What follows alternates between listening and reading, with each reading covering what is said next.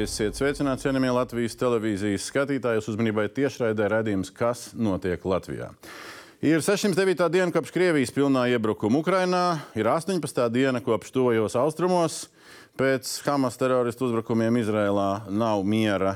It nemaz Latvijā daudz mierīgākos apstākļos rit otrais mēnesis, kopš pie varas ir jauna politisko spēku koalīcija un strādā Eviks Siliņas valdība.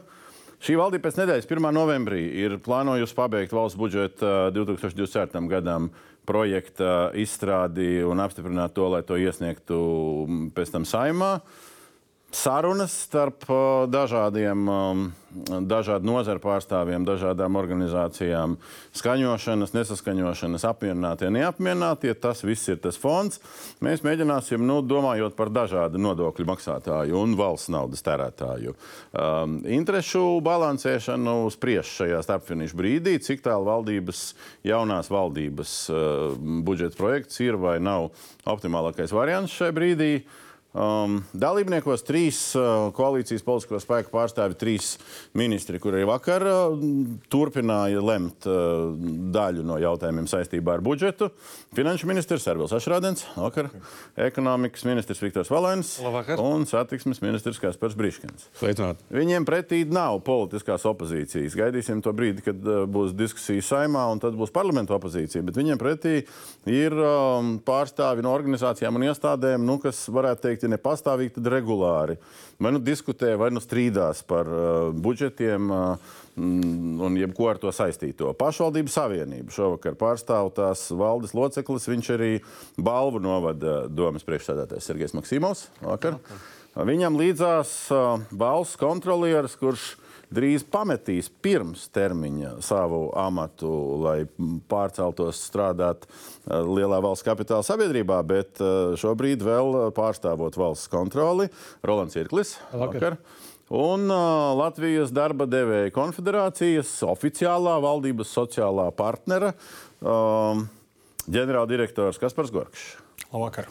Es gribētu, kungi, sākt, un kungi šai pusē es gribētu sākt nu, ar to tādu kopskatu. Ja mēs paskatāmies uh, pēdējie nepilni divi gadi, inflācijas kalkulatori, ja ieskatās pār pa 23%. Ir pieaugums, tātad viss, ko mēs uh, 22. gada sākumā vidēji varējām nopirkt par 100 eiro, mēs tagad pērkam par 123. Ja paņem vēl gadu atpakaļ, 21. gada sākumu, um, tas inflācijas skaitlis ir pār 32%. Un tie budžeta skaitļi, nu, viņi tagad ķer rokā tos gan ieņēmumu, gan izdevumu. Viņi ķer rokā, es tā teiktu. Nu, varbūt mēs varam pastrīdēties par konkrētiem skaitļiem. Un tas nozīmē pašvaldībām nu, kaut kā pārskatīt šajos gados tur valsts visdažādākām struktūrām, uzņēmējiem ļoti strauji pamainīt nu, to savu skatu uz dzīvi. Cik lielā mērā budžets uz šī fona un uz kara fona bez šaubām un uz drošības fona iet ceļu, kas ir nu, sabalansēts, lai dažādās jomās nu, līdzās šiem diviem faktoriem mēs nu, izietu visiem tiem kalniņiem pāri iespējami racionāli. Jebkurā ir pilnīgi atvērta tipa jautājums. Kāda ir sajūta, Maksimam Kungs? Ziniet, runājot par pašvaldības budžetu, asociēt uz, uz sevi un savu pašvaldību, es runāju ar pašvaldības iestādu vadītājiem. Pirms, ne, pirms mēneša teicu, ka vasar, gada sākumā bija 104 kg, šobrīd man ir 94. Mēs esam notērējuši savas rezerves, un šobrīd šī inflācija ir no, noēdusi visu mūsu, mūsu rezerves. Un, protams, tagad budžets sāk pildīties otrā pusē, ja, un mēs jau sākam šo naudas plūsmu kaut kādā veidā līdzsvarot, un mēs gan laicīgi drīz sāksim norēķināt arī saviem pakalpojumu sniedzējiem. Jo pieņemsim, valsts kasa šobrīd ir uztraukusies, ka daudzām pašvaldībām šobrīd pat pietrūks naudu procentu nomaksai. Un jāatgādina, klausieties, šobrīd tur vēl nav, nav. Un tas nav tikai runa par Latvijas pašvaldībām, tas ir vairākām Latvijas pašvaldībām. Šobrīd. Bet ar šo jūs gribat pateikt, ka valsts budžets, kur, no kura daļa nonāk līdz pašvaldībai, nonāk līdz ceļiem, līdz, līdz skolotājiem, līdz visdažādākām funkcijām, un daļa nenonāk līdz konkrētiem cilvēkiem konkrētās pašvaldībās. Ka viņš ir bijis nesabalansēts, ka būtu bijis vairāk jānonāk līdz pašvaldībai? Tā īsti nē, bet varbūt tas, ka šī naudas plūsma šobrīd sāk kavēties sakarā ar dažādu nodokļu neizpildi. Jā, mēs kopīgi sadarbojamies ar finanšu ministru, sekojam tai situācijai. Jā, un ir lietas, kura pašvaldībām jāuzņemas savu atbildību. Ir lietas, kas varbūt uh, nu, ir sekas, pieņemsim, no sen jau pieņemta lēmuma attiecībā par pa pašvaldību finansējumu, ka bija 80% no iedzīvotāju ienākuma nodokļa, ko pašvaldības saimnieka katrā sarunā ar finanšu ministriju un valdību uzsver. Šobrīd ir 75, un, ši, un tieši šogad būtu izmaksas 130 miljoni, ja nākošajā gada budžetā. Un tās naudas šobrīd pašvaldībām pieaugs. Pašvaldībām atgriezīsimies. Kopskats no valsts kontrolieru puses. Nu, tie miljardi aug izdevumi, ieņēmumi, tur maz 11, tagad jau mums ir jau vidēji 11 miljardi. Un tur, ja mums sēdētu blakām dažādi citas nozares, būtu tieši tāpat neapmierinātība. Jā. Viņi ir izbalansēti situācija. Protams, ka inflācijai un tai situācijai visai kāda ir milzīgs spiediens uz valsts un pašvaldību izdevumiem. Tas ir ne, neapšaubām. Un, uh, es nevaru komentēt konkrētus lēmumus, kuram, kurai nozarei cik tiek piešķirts. Tas paliek politiķa ziņā, bet uh, nedaudz runājot par procesu. Principā valsts kontrole jau 2017. gadā pabeidzot revīziju par to, kā tiek veidots budžets. Uh, norādījusi to, ka teiksim, tāda rādītāja, ka inflācija, deflācija būtu jāņem vērā plānojot šo budžetu. Un, protams, šajā situācijā jāskatās, ir kāda ietekme ir inflācija uz dažādām nozarēm, jo dažādām nozarēm tā ir dažāda. Ja mēs skatāmies uz darba algu pieaugumu, tad tur ir nozara uz nodarbināto atalgojumu publiskajā sektorā. Ja mēs skatāmies uz enerģētikas nozari, tad atkal ir tādas uh, funkcijas valsts pārvaldē, kur šī enerģētika spēlē nozīmīgāku lomu izmaksu pozīcijās, kur tā spēlē mazāk. Tas tā kā mājiens, ka tagad tas netiek ņemts vērā pietiekami? Kas ir interesanti, ļoti bieži, lai šos pieaugumus nosaktu, mums ir jāiet caur uh, prioritāriem pasākumiem, par kuriem valsts kontrole arī nereti runājusi. Proti, lai uh, kompensētu kaut kādā veidā šo izmaksu pieaugumu, tad ir jāpiesaka prioritārais pasākums, jācīnās ar, ar citām institūcijām. Un faktiski inflācija, kas ir pilnībā ne, absolūti neatkarīga no, no šo institūciju vai, vai funkciju uh, rīcības, uh, nu, principā viņai vajadzētu kaut kādu ietekmi atstāt arī uz tiem bāzes izdevumiem. Jo, nu, principā, lai nodrošinātu to bāzes funkciju, ir jāskatās līdzi. Kāds, kāds ir bijis cenu pieaugums, kas ir ietekmējis to kopējo cenu līmeni, izmaksu līmeni attiecībā uz bāzes finansējumu. Jo prioritāriem pasākumiem nu, tā kā mēs to redzam, tad vairāk būtu jāskatās tajā attīstības virzienā. Ar prioritāriem pasākumiem mēs, mums vajadzētu veicināt kaut kādas valsts attīstības mērķus, nevis nosakt mūsu pamatu vajadzības. Labi, pie prioritāriem mēs pieķersimies. Pie brīža 783 tika pielemti pirms mēneša miljoni. Nu, uzņēmēji lobē, nu, jāsaka, ir tomēr nu, vienas uh, sabiedrības daļas intereses. Kā jūs redzat to proporcionalitāti? Nu, jebkurš sadārdzinājums, jebkura uh, inflācija kā tāda rada spiedienu. Spiedienu rezultātā ļoti būtiski ir, lai būtu šis dialogs, sociālais dialogs Latvijas darba devēja konfederācijas uh, kontekstā. Un, ja mēs runājam par šī gada uh, budžetu, tad gribētos teikt, ka tas tādu neizdarītu mājas darba uh, sajūtu uh, atgādina. Jo, uh, divas lietas, ko valdība var ietekmēt. Tas ir uh, ēna ekonomikas mazināšana un, un, un birokrātijas mazināšana, ko arī uzņēmēji sagaida. Un, uh, un, Šobrīd uh, budžeta paketē nav ne ēnas no ēna ekonomikas apkarošanas. Uh, un, ja valsts ieņēmuma dienests aprēķina 3,2 miljardus Uh, eiro ēnu ekonomikā, no, no kuriem 980 miljoni ir atgūstami. Mēs ēnu ekonomikas plānu projektā runājam par 12, kas diez vai pat nosaktu tos digitālos risinājumus, kas tajā ir ietverti.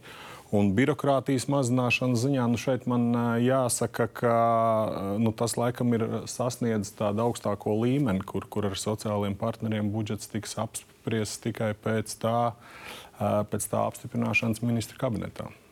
Neizdarīt to tam vairs nebūs. Virsrakstu līmenī pieķeros. Neizdarīt to mājas darba sajūta.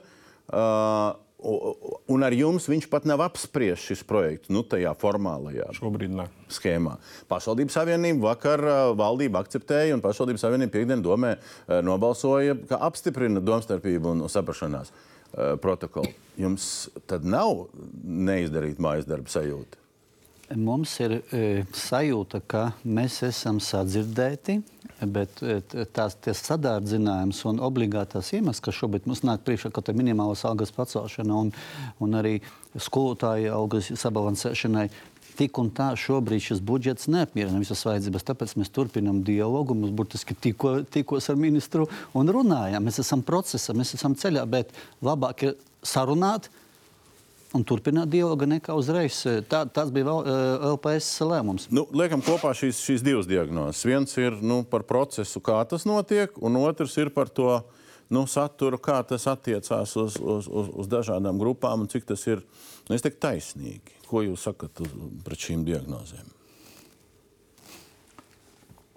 Nu, ja mēs skatāmies par uh, budžetu un inflācijas ietekmi. Jā.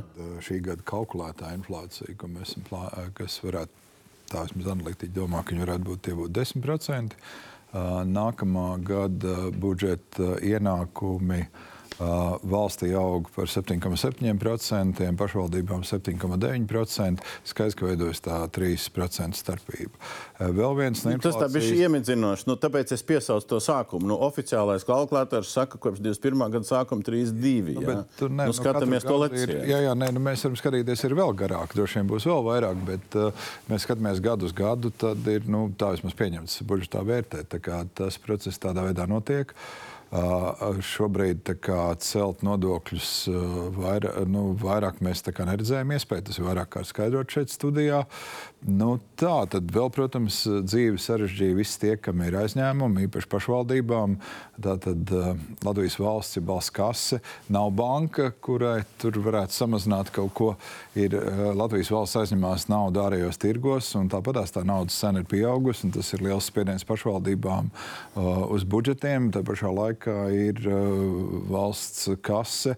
Uh, pilnīgi skaidri mēs vienojamies par to, ka var pārstrukturēt parādus, atlikt, atlikt teikt, pamatsummas maksājumu, nomaksāt procentus ar pārlikt uz priekšu pamatsummu.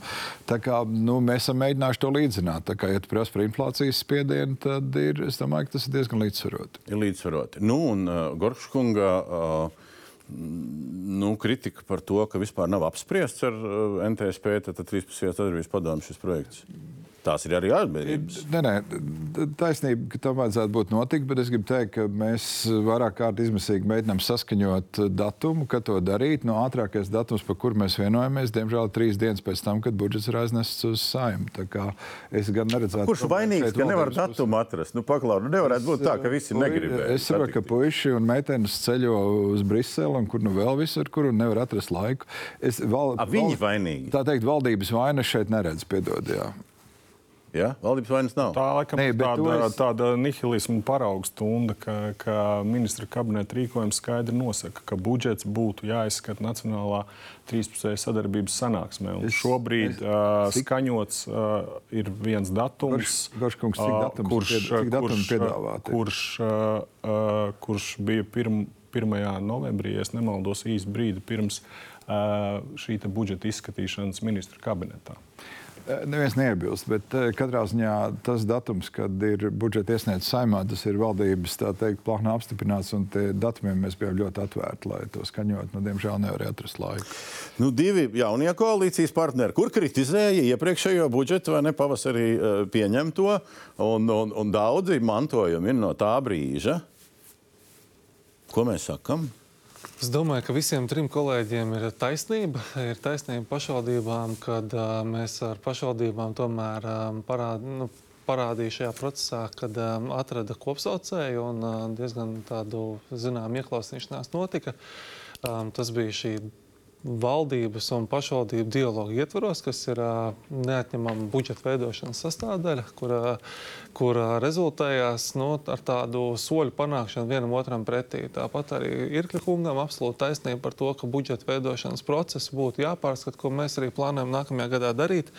Uh, un, uh, un Gorškungam par šo labu pārvaldību arī pilnīgi taisnība. Protams, mēs uh, tiksimies NTSP formātā budžeta izskatīšanas procesa valdībā ar to arī nebeidzās, ka 1. novembrī kāds kaut ko nobalso tik un tā, kamēr šis process ies saimā, tikmēr valdība arī ir nozīmīga loma tajā visā, gan pie priekšlikuma izstrādes, gan arī pie priekšlikuma apspriešanas.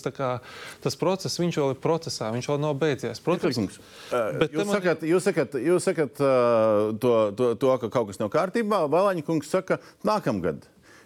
Bet, Šajā laikā nevarēja kaut ko bet- vairāk bet, Ļaujiet man būtiski, būtiski pabeigt to savu domu, ja, ka viss tas, ā, kur šobrīd mums objektīvi var pārmest, ir tikai viena iemesla dēļ, jo mēs koalīcijas partneri izveidojot valdību pieņēmām strateģisku lēmumu par to, ka mēs negribam nonākt pie tehniskā budžeta. Un, lai pie tādas situācijas mēs nenonāktu, tas spieda mūs ļoti strauji tādā 24 stundu režīmā strādāt un izdarīt tos lēmumus gan ātri. Divās nedēļās mēs valdībā vienojāmies par prioritātēm, tikko izveidotai valdībai. Tā kā, nu, tas, tas darbs bija uzlikts ļoti strauši, lai vienkārši mēs neiebrauktu tehniskajā budžetā, kas būtu ļoti kaitīgs Latvijas attīstībai. tie, tie ir korekti argumenti. Ja, ja par procesu runājam, tad īstenībā tas nav tik ātri nemaz. Tur būtu vēlams tiešām pilnveidot gan likumu par budžeta finanšu vadību, gan uh, attiecīgos MK noteikumus. Tas, ko es piemēram minēju par bāzes uh, izdevumiem, kādā veidā tie tiek nodefinēti un pārskatīti. Tur ir trūkumi pašos ministra kabineta noteikumos, kas to nosaka. Jā, piemēram, šo inflāciju nevar ņemt vērā, uh, plānojot nākamā gada bāzes izdevumus. Nav, nav tāda mehānisma šobrīd. Respektīvi, jūs sakat, ka visi tie, visi tie bāzes dokumenti, kas, ko vēl pieņēma iepriekšējā valdībā, 15. augusta sēdē, ka viņi jau bija nu, ielaiduši jau iepriekšējās vainas un iepriekšējās kļūdas nebija izlabojuši. Nu, ir zināms process, ir, ir likums par budžeta finanšu vadību, ir, ir mi- ministra kabineta noteikumi, kādā veidā šie budžeta pieprasījumi tiek veidoti un, un, un, un tālāk skaņot. Nu, ja mēs runājam par tādu būtisku procesu pilnveidu, tad, protams, tam jāiet saskaņā ar normatīviem aktiem un, un, un pie tā ir jāstrādā. Nu, jā, es nenoliedzami es, uh, varu piekrist valsts kontrolēm par to, ka budžeta process kā tāds ir uh, radikāli jāmaina. Uh, uh, un tur ir daudz modernizācijas iespējas. Mēs skatāmies kaut vai kaimiņu valsts, kā to dara. Bet to, ka uh, to izdarīs divos mēnešos, tas vienkārši nav iespējams. Bet jūs jau, kā iepriekšējā, iepriekšējā valdībā, jūs jau bijāt jau vairāk kā pusgadu un vasarā turpinājāt. Arī pusgadu laikā to process. neizdarīsim, bet uh, katrā ziņā tāda sagatavošanās darbi ir sākušies. Bet, ja drīkst, es vienu lietu, es drusku samolos par to Gorša kungu uzstādījumiem.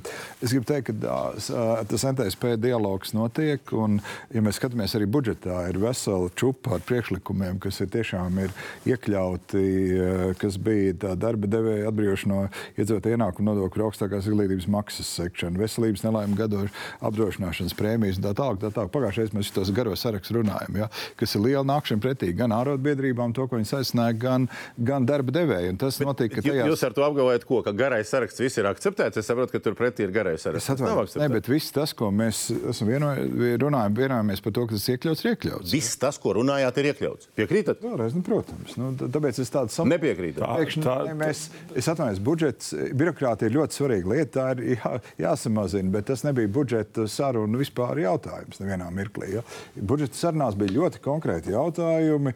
Uh, Atālinātā darba, deve, atālinātā darba kompensācija, uh, IEN atbrīvojuma apmēra par sniegto palīdzību paaugstināšanu un tā tālāk. Un tā tālāk. Garš saraksts. Īsa atbilde pret jau- garo Tas sarakstu. jau nāca no darba devējiem un no arotbiedrībām. paldies. Īsa atbilde pret garo sarakstu. Tas sarūk, droši vien sarūktinājums no, no, no LDDK puses ir, ir, ir, ka tas, ko mēs neredzam, nevienu konkurētspēju veicinošu uh, faktoru. Mēs ilgu laiku pavadījām diskusijās par darba spēka nodokļiem. uh, Dažādās darba grupās, kuram šobrīd nav rezultātu. Tādēļ arī šī te, to mēs varam pievienot pie šī te neizpildītā mājas darba sajūtas. Tūlīt atgriezīsimies pie šī temata. Iedodam Riškina kungam vārdu vispirms par kopējo bildi. Ko jūs pieņemat, vai kā visu pieņemat, ka kritika, kas skan no Valaņa kunga vai kā citādi?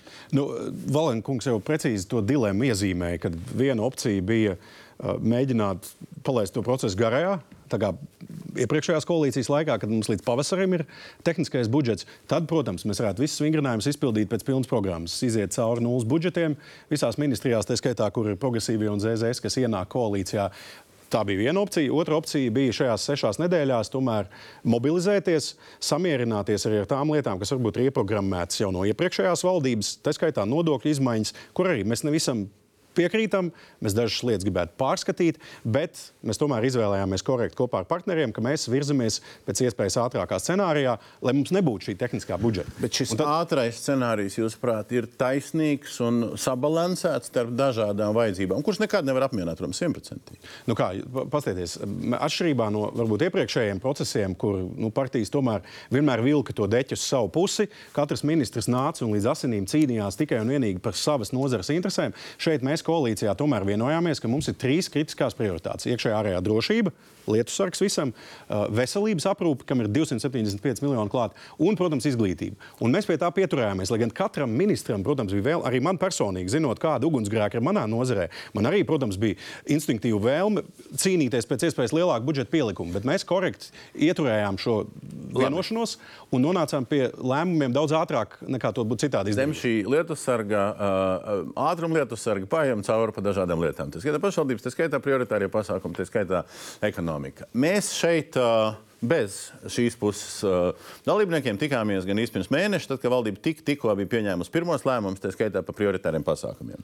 Un es toreiz biju tāda epizode, ka es atsaucos uz Bitskungu, tad, tad Goršunga priekšnieku darbdevēja konfederācijā, kurš bija tajā rītā um, nokomentējis, ka šī valdība atšķirībā no iepriekšējās vispār par ekonomikas attīstību vēl mazāk domā un tam līdzīgi. Tam līdzīgi. Nostamies to video, kā Valeņa kungs uh, uz uh, to atbildēja. Ekonomiskās attīstības jautājumi ir iekļauti arī citās ministrijās, tā skaitā zemkopības ministrijā, bet būtiskākais šajā budžetā ir tomēr arī nodokļu izmaiņas, kuras nevar skatīties atrauti. Un, ja mēs domājam par uzņēmējdarbības vidas uzlabošanos, tad, piemēram, mikrouzņēmuma nodokļu regulējuma uzlabojums paredzot to, ka uh, apgrozījuma daļai, kas pārsniedz 5000 eiro gadā, 40%. Un cik tas ir, rada budžetā ietekmi? Nu, Tas, cik? bet ļaujiet pabeigt. Ne, nu, Uh, ļaujiet atbildēt. Bet tāpat arī, tāpat arī neapliekamā minimuma un atvieglojuma pagadību esošām personām piemērošana un maksātājiem. Tāpat mēs ejam tālāk, skatāmies iedzīvotāju ienākumu nodokļu atbrīvojums darbiniekam augstākās izglītības mācību maksas sekšanai. Te es varētu turpināt šo. Vāļņkungs, nu, būsim godīgi. Mikro uzņēmuma nodoklis 0, miljonu, 0,34. Uh, tur vēl kaut kāda atvieglojuma 1, atkal 0. Tas ir kapeiks. Domburkungs, ja mēs runāsim šādās kategorijās, tad man jums jāver vaļā atjaunošanās fonda investīcijas, un tur ekonomiskā izaugsmē ir vairāk. Jūsuprāt, Bitskungs kļūdās? Nu, tagad būtībā nu, mēs esam turpat, un tajā mirklī jūs tālāk solījāt, ka jūs pārliecināsiet, tā skaitā uzņēmēju organizācijas, par to, ka šis ir ekonomiskās attīstības budžets. Jūs, prāt, esat pārliecinājusi? Nu, man pēc šī raidījuma bija saruna ar uh, uzņēmēju organizāciju, arī Latvijas darba devēja konfederāciju.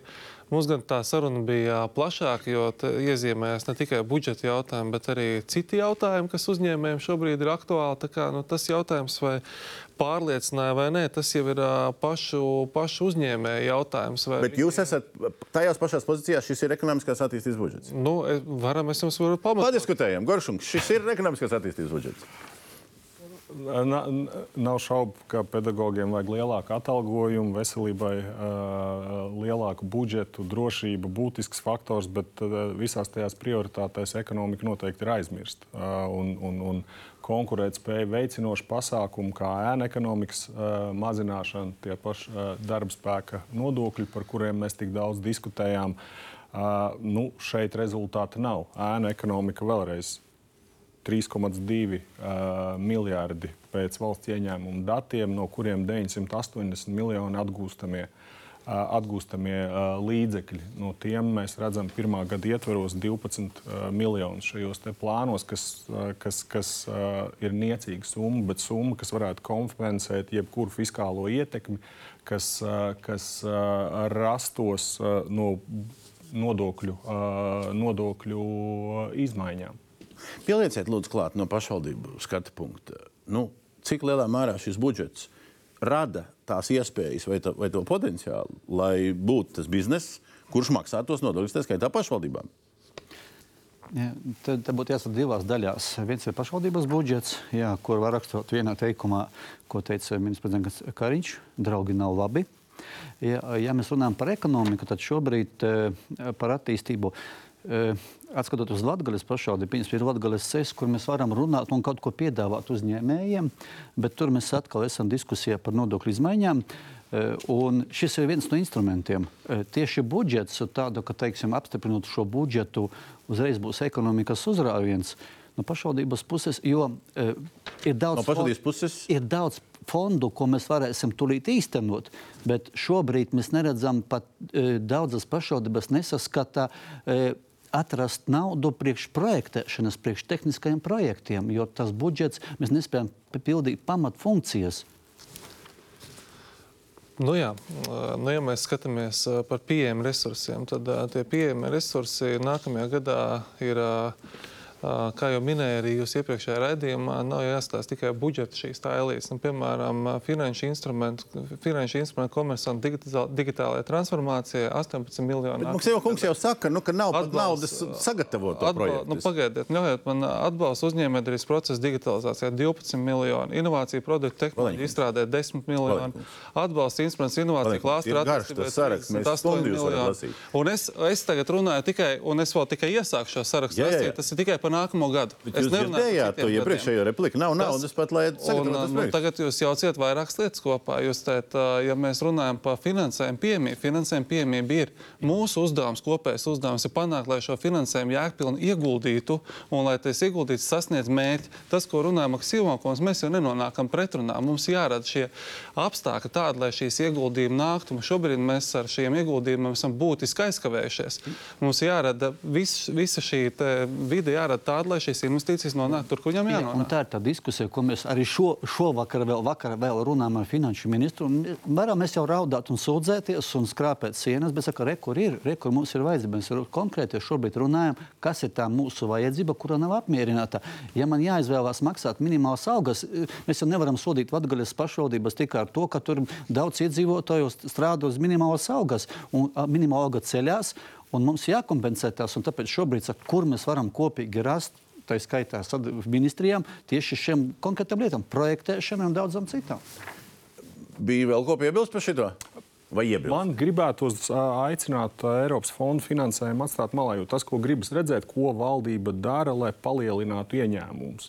Tātad, ko, ka, kas ir tie rīki, lai un ēna ekonomikas mazināšana, tas ir viens no uh, viens, viens no tādiem rīkiem. Pretējā gadījumā budžeta pieaugums tiek pārlikts uz tiem godprātīgiem nodokļu maksātājiem, uz viņu pleciem, un, un tas vēl jau vairāk mazina konkurētspēju. Ir atbildes uz šo? Varbūt vien, viens svarīgs piebildi. Nu, iznirstot ārā no tā budžeta Excel. Šai valdībai ir ļoti precīzs uzstādījums deklarācijā, ka mēs, mūsuprāt, galvenais ekonomikas attīstības vadmotīvs ir augsts pievienotās vērtības eksports un tā veicināšana. Tas, kā es to piemēram redzu satiksmes nozarē, kur ir apmēram 2 miljardu pakalpojumu eksports, 40% no kopējā Latvijas pakalpojumu eksporta, kur ir gan aviācija, gan starptautiskie autopārdājumi, starptautiskā loģistika, pasta pakalpojumi un tā tālāk. Mēs organizēsim Un, un tur pārsvarā ir kaut kādi 10 līdz 15 šie lielie flagmaņu uzņēmumi, kam ir vērtība ķēdes ar saistītiem uzņēmumiem, kam ir sava inovācijas ekosistēma.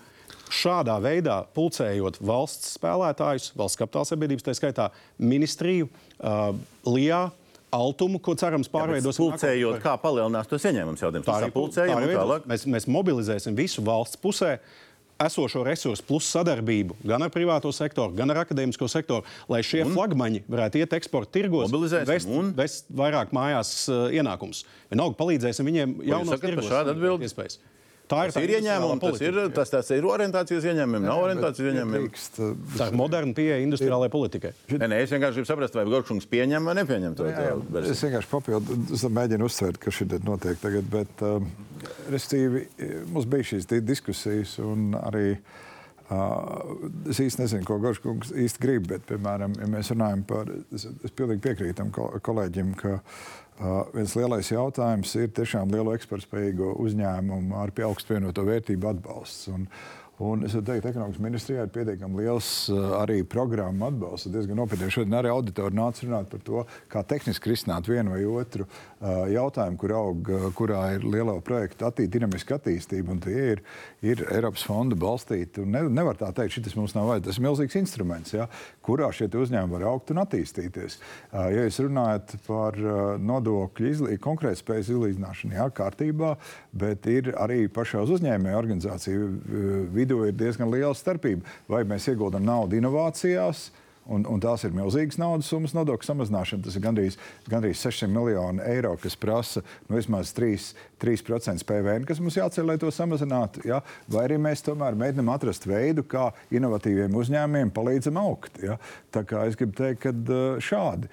Attiecībā uz ēnu ekonomiku arī nu, lūdzu, lūdzu skatāmies. Nu, mēs varam visas tādas metodas uh, skatīties, bet tām metodēm mēs skatāmies. Es nesaku, ka tur nav rezervi, ja, bet katrā ziņā 900 miljoni. Tur jau ir runa par to, ka tas plāns vienkārši guļ kaut kur. Viņš nekustās. Nu, tu, nu, plānu ir tā, ka tās pašas uzņēmēju organizācijas bloķē visus iespējamos noteikumus. Nu, nevienu nesaskata. Vai arī, pilnīgi, vai arī slikti noteikumi? Es, vienkārši- Otrs variants, ka slikti Nu, noteikumi. varbūt, ka slikti noteikumi, droši vien, bet nu, iesim uz valdību saskaņot. Tā kā varam parunāt par katru atsevišķu ir vēlēšanās Gorškungam, tad par to arī varam izrunāt. Ja? Bet uzņēmēju organizācija ir tās, kas bloķē visu pēc, vienu pēc otru. Mēs vienkārši, nu, diemžēl, ir, būsim iesim tā, ka saskaņosim blanku, kas ir, tas ir. Nu. Kaut kāds svaigākais, ko nobloķējuši ir. Ko tad? Pietiekami garš saraksts ne, neattīstīšu. Tagad. Vienu tādu, nu, tādu spožāko bloķēšanu. Nepiedāvāšu. Nekonstruktīvo. Ne. Labi.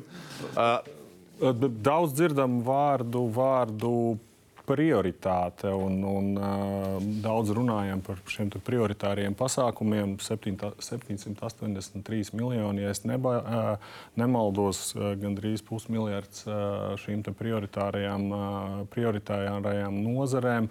Bet uh, uzņēmēji uh, vēlētos redzēt, no kurienes, uh, kurienes nāks tā nauda. Viens bija ēna ekonomika, ko es pieminēju, bet arī šie te tas tā kā tā dūmu, dūmu aizsaks. Mēs runājam par prioritārajiem pasākumiem, bet ir vēl tie 15 miljardi.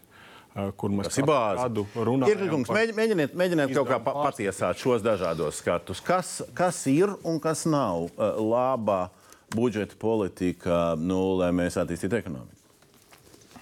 Nu, viens no veidiem, kā to attīstīt ar budžetu, protams, ir uh, virzīt naudu caur prioritāriem pasākumiem. Un uh, prioritāriem pasākumiem lielā mērā vaj- vajadzētu būt sasaistītiem ar valsts attīstības mērķiem.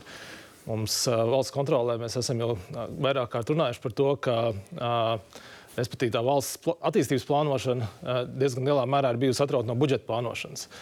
Un faktiski, ja mēs no, definējam prioritāros pasākumus nākamajiem gadiem, tad uh, vajadzētu skatīties, kas ir mūsu tās prioritātes atkarībā no Nacionāla attīstības plāna. Tam, tam, tam vajadzētu kaskadēties tālāk valdības deklarācijās, un tam tālāk vajadzētu kaskadēties tajos budžeta, uh, budžeta plānos. Nu, ļaujiet nocitēt. Vien, viens, tas ir izraksts no, no, no valsts kontrolas, viens no revizijām par 22. gada tad, tad budžeta lietām, un tā skaitā tiem prioritāriem pasākumiem. Un, uh, tad, tad, nu, bija tas uh, novērtējums, ka prioritāra pasākuma plānošanā ir rūpīgi ziepes. Ja?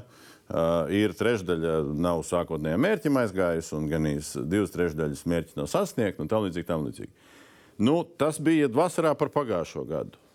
Nu, ko jūs redzat iepratīm tam attiecībā uz šo gadu un tagad uz nākamā gada plāniem? Nu, to, to, kas ir šogad, to mēs varēsim pateikt, kad mēs pabeigsim finanšu revīzijas par šo gadu, kurš šobrīd ir uzsākts. Tad mēs redzēsim, kā ir veicies ar prioritāro pasākumu apguvi šajā gadā. Bet tas, ko liecina šis stāsts, ir tas, kā šie pasākumi tiek plānoti.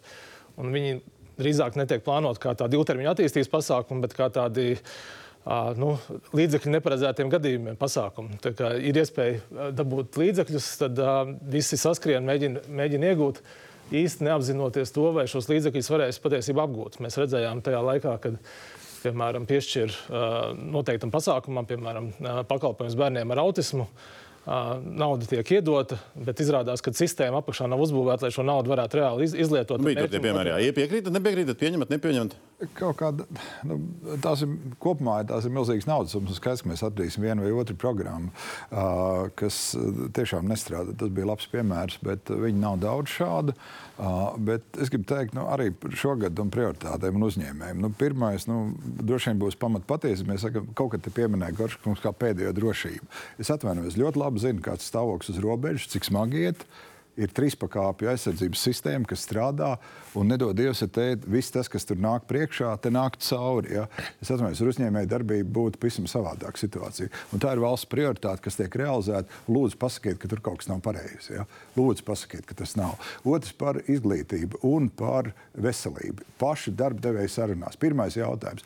Lūdzu, savietiet kārtībā valsts pakalpojumus, lai veselība, lai cilvēki tiek uz darbu, lai mazāk slimības lapu un, un tā tālāk. Un tie slimības Pagaid, rādīt- darba devēji ir vainīgi, lai, Nē, ka pa daudz devēji- slimības lapu. Nē, nē, nē darba Šī tas nu gan ir, nav tik viennozīmīgs. Viena mirkli nedēļas, ka darba devēja vainīgi. Bet Darba kas- kam- ka- kam atvainojos, kārtībā? Darba devēja lūdza, lai sakārto veselības aprūpi. Un mēs tam dodam arī līdzekļus, lai cilvēki mazāk slimotu un ārstētos, un tiešām, lai būtu arī mazāk uh, darba kavējumu tādēļ, uh, ka ir slimības lapas. Un, ne, nopietni, tas bija arī sarunās, ko rādīja kā vienu no lielākajiem jautājumiem. Otrs ir izglītība. Tas, ka trūkst kvalifikācijas, ne tikai cilvēku, bet arī kvalifikāciju, arī tur ir milzīgi resursi iedot, lai izglītības sistēma strādātu, sniegt savu pakalpojumu. Nu, skaidrs, ka mēs... Es saprotu, ka Irkļkungs jau nerunā par nozarēm kā par prioritātēm. Viņš jau runā, ko tais nozarēs dara. Ne jau vienkārši, ka izglītība vai veselība nav būtiska nozara, un tajā nevajag prioritāros pasākumus. Protams, bērnu ar autismu ir daļa no veselības. Prioritāte jautājums, vai tā nozara eh, ilgtermiņā var plānot šo pasākumu, gatavoties tam, paredzēt, kad būs finansējums. Jo, principā, ja mēs domājam par ilgtermiņa plāniem, teiksim, tagad mums bija onkoloģijas revīzija, tikko, kur arī trūks nauda, nu, ir jābūt skaidram plānam kāda nauda, kuros gados ir vajadzīga. Tā ir te, te paredzamība jābūt zinām laiku uz priekšu. Nevis nu, tagad vasarā sākt saplānojam nākamajam gadam, nezinot to, vai mums vēl būs aiznākamajam un, un nākamajam. Nu, tur ir iespēja trīs gadu budžeta taisīt, bet faktiski tā veselības pamatnostādnes mums ir līdz 27. gadam. Un, un tiem prioritāriem pasākumiem ir jā, nu, jābūt saskaņotiem ar šo te, uh, ilgtermiņu plānu. Nu, es domāju, ka mēs ļoti mēģinām kaut kādā veidā izcelt kādu vienu nozari jomu. Nu, šeit eh, Gorčkungs, protams, pārstāv uzņēmējs, un, eh, kā minēja, uzņēmējiem jārēķinās to, ka eh, uzņēmējdarba attīstībai tomēr ir lauvas tiesa tieši tajā attīstībai, jāmeklē tieši šajos ārējos finansējumos, kas Latvijai tieši tam ir domāti, lai mūs celtu mūsu ekonomisko konkurētspēju.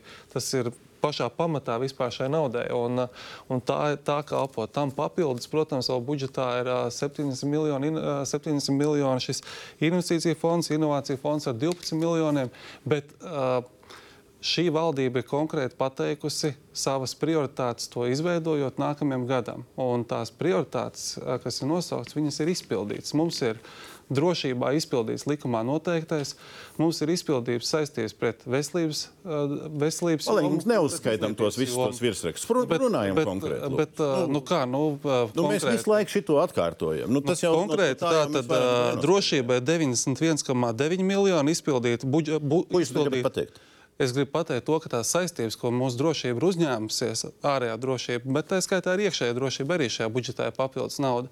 Mēs izpildām un dodam garantiju gan arī NATO visiem partneriem to, ka Latvijā drošība tiek prioritizēta. Jūs runājat garām, augst. tas, kas ir šobrīd tas nu, kā, priekšmets. Ko nozīmē garām? Da, no, to ko nozīmē, garām? Tas, ko nozīmē garām? Tas, ka drošība nav pirmā prioritāte. Atbildēšu, tas, tas... ko nozīmē garām. Garām nozīmē to, ka zem tā prioritārā pasākuma, kas saucās nozara 200 miljoni. Apakšā ir programmas, kuras ir ļoti struntīgi saplānotas, vai ļoti viegli roku diezgan tādu, nu, izšķērdīgi saplānotas, nu, nu, labi. ko varēja labāk. Nu, Par to labi, ir runa. Runāsim garām. veselības jomā 275 miljoni. Ko var, ko, kas ir pa problēmu? Ko vajadzēja labāk izdarīt? Nu, sakiet, to mēs vēl nezinām. Nu, kā, to mēs vēl nezinām. Jūs sakiet, ka tur ir problēma. To mēs vēl nezinām. Tāda analīze vēl ir šodien. Jā, jā, jā. Sakiet, bet... ka tur ir uzreiz a priori problēma. Es saku to, ka tur 275 miljoni ir iet, un mēs 275 miljonus nākamajā gadā katru eiro atsevišķi pielēmsim, kam un kādā, kādos apjomos tas tiks izsniegts. Bet nozarei ir iedota garantija, ka nauda tiks viņai iedota. Ar arotbiedrību panākt vienošanās. Nulle kā šodien tikos ar veselības ministru, nulle kā panākt vienošanās ar arotbiedrību. Ar izglītībā tas pats mums nav pilns doma laukums ar skolotājiem un medicīnu arī no, no karogas noņēma. Pēc brīža papreparēsim arī citas nozares, Jā. kur kas ir garām vai kas nav. Jā, ko var darīt? Varbūt konkrēti uzņēmējdarbību. E, tikko, nu, es domāju, ka arī turpinās veselības ministra vizīte pa visu Latviju un bija arī e, Latgales pusē. Un Es pats nepiedalījos šajā sanāksmē, pats cik bijām kopā burvīgā sanāksmē Mārupē. Bet e, kas mani pārsteidza, tad, kad viņš bija Balgu Gulbenes slimnīcā, viņš teica, ka, hei, te ļoti labs modelis privāta un, un, privāta un publiska partnerībā. Tur tās slimnīcas lielā daļa pieder privātajiem un pašvaldībām. Un tā ir iespējams, vienīgā no izglīt, izglītības veselības institūcijām, kas šajā laikā strādā ar minimālu peļņu, nevis ar zaudējumiem. Un tas ir tas, kur mēs varētu runāt par privātu un partnerību tajās nozarēs, bet tur jābūt ļoti drosmīgiem politikiem. Jo tad uzreiz teiks, ka tā ir korupcija, viņa dievs zina kas. Ja? Bet otrs, protams, ko var darīt, nu, tas pats, e, par ko šobrīd tiek diskutēts, 5% augļu un dārzeņi. Tur ir daudz nepilnību, kuri mēģina saschēmot un apiet šo schēmu. Bet, manuprāt, man kā pašvaldībai šobrīd es varu par veseliem 11% no saviem zemniekiem iegādāties lētāku e, pārtiku. augļus un dārzeņus. Un tā man ir liela iespēja, un priekš pašvaldības nu, 6, 6, 11% tā ir milzīga nauda. Un šīs abas lietas vēl aizvien nav darba kārtībā budžeta projektā. Ir process. Ja. Iedrīkst, iedrīkst par attīstību mazliet. Es domāju, mums tomēr drusku tā domāšana ir jāmaina.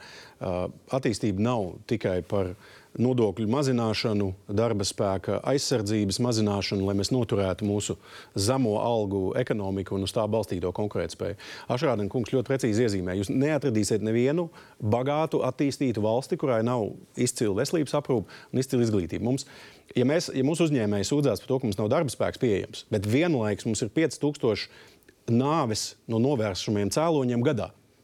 Mums vienlaikus ir, mēs esam brīvo vakanču eh, čempioni. Brīvo vakanču ekonomika. Vienlaikus darba spēks nav pieejams. Tas parāda, ka mūsu izglītības sistēma nepietiekami rada pietiekami sagatavotus eh, absolventus, kas ir vajadzīgi mūsu uzņēmumiem tas precīzi parāda, ka man gribētos, un vismaz savā nozarē es jūtu šo izpratni, ka mūsu investīcijas veselības aprūpē, izglītībā, nemaz nerunājot par drošību, kur mums vispār par kādu konkurētspēju mēs varam runāt, ja mūsu reģionā ir nenovēršami drošības riski, tad es domāju, ka mums ir jāmaina šī mentalitāte. Ir jāsaprot, ka investīcijas veselībā un izglītībā ir kritiskas investīcijas arī Labi, tagad parunājam, parunājam, kā mentalitāte izpaužās jūsu prioritārajos pasākumos. Mēs šo bildīti jau likām pagājušajā mēnesi, kad mums pirmā tā saruna bija, bet mēs viņu tagad bišķi izvērsām.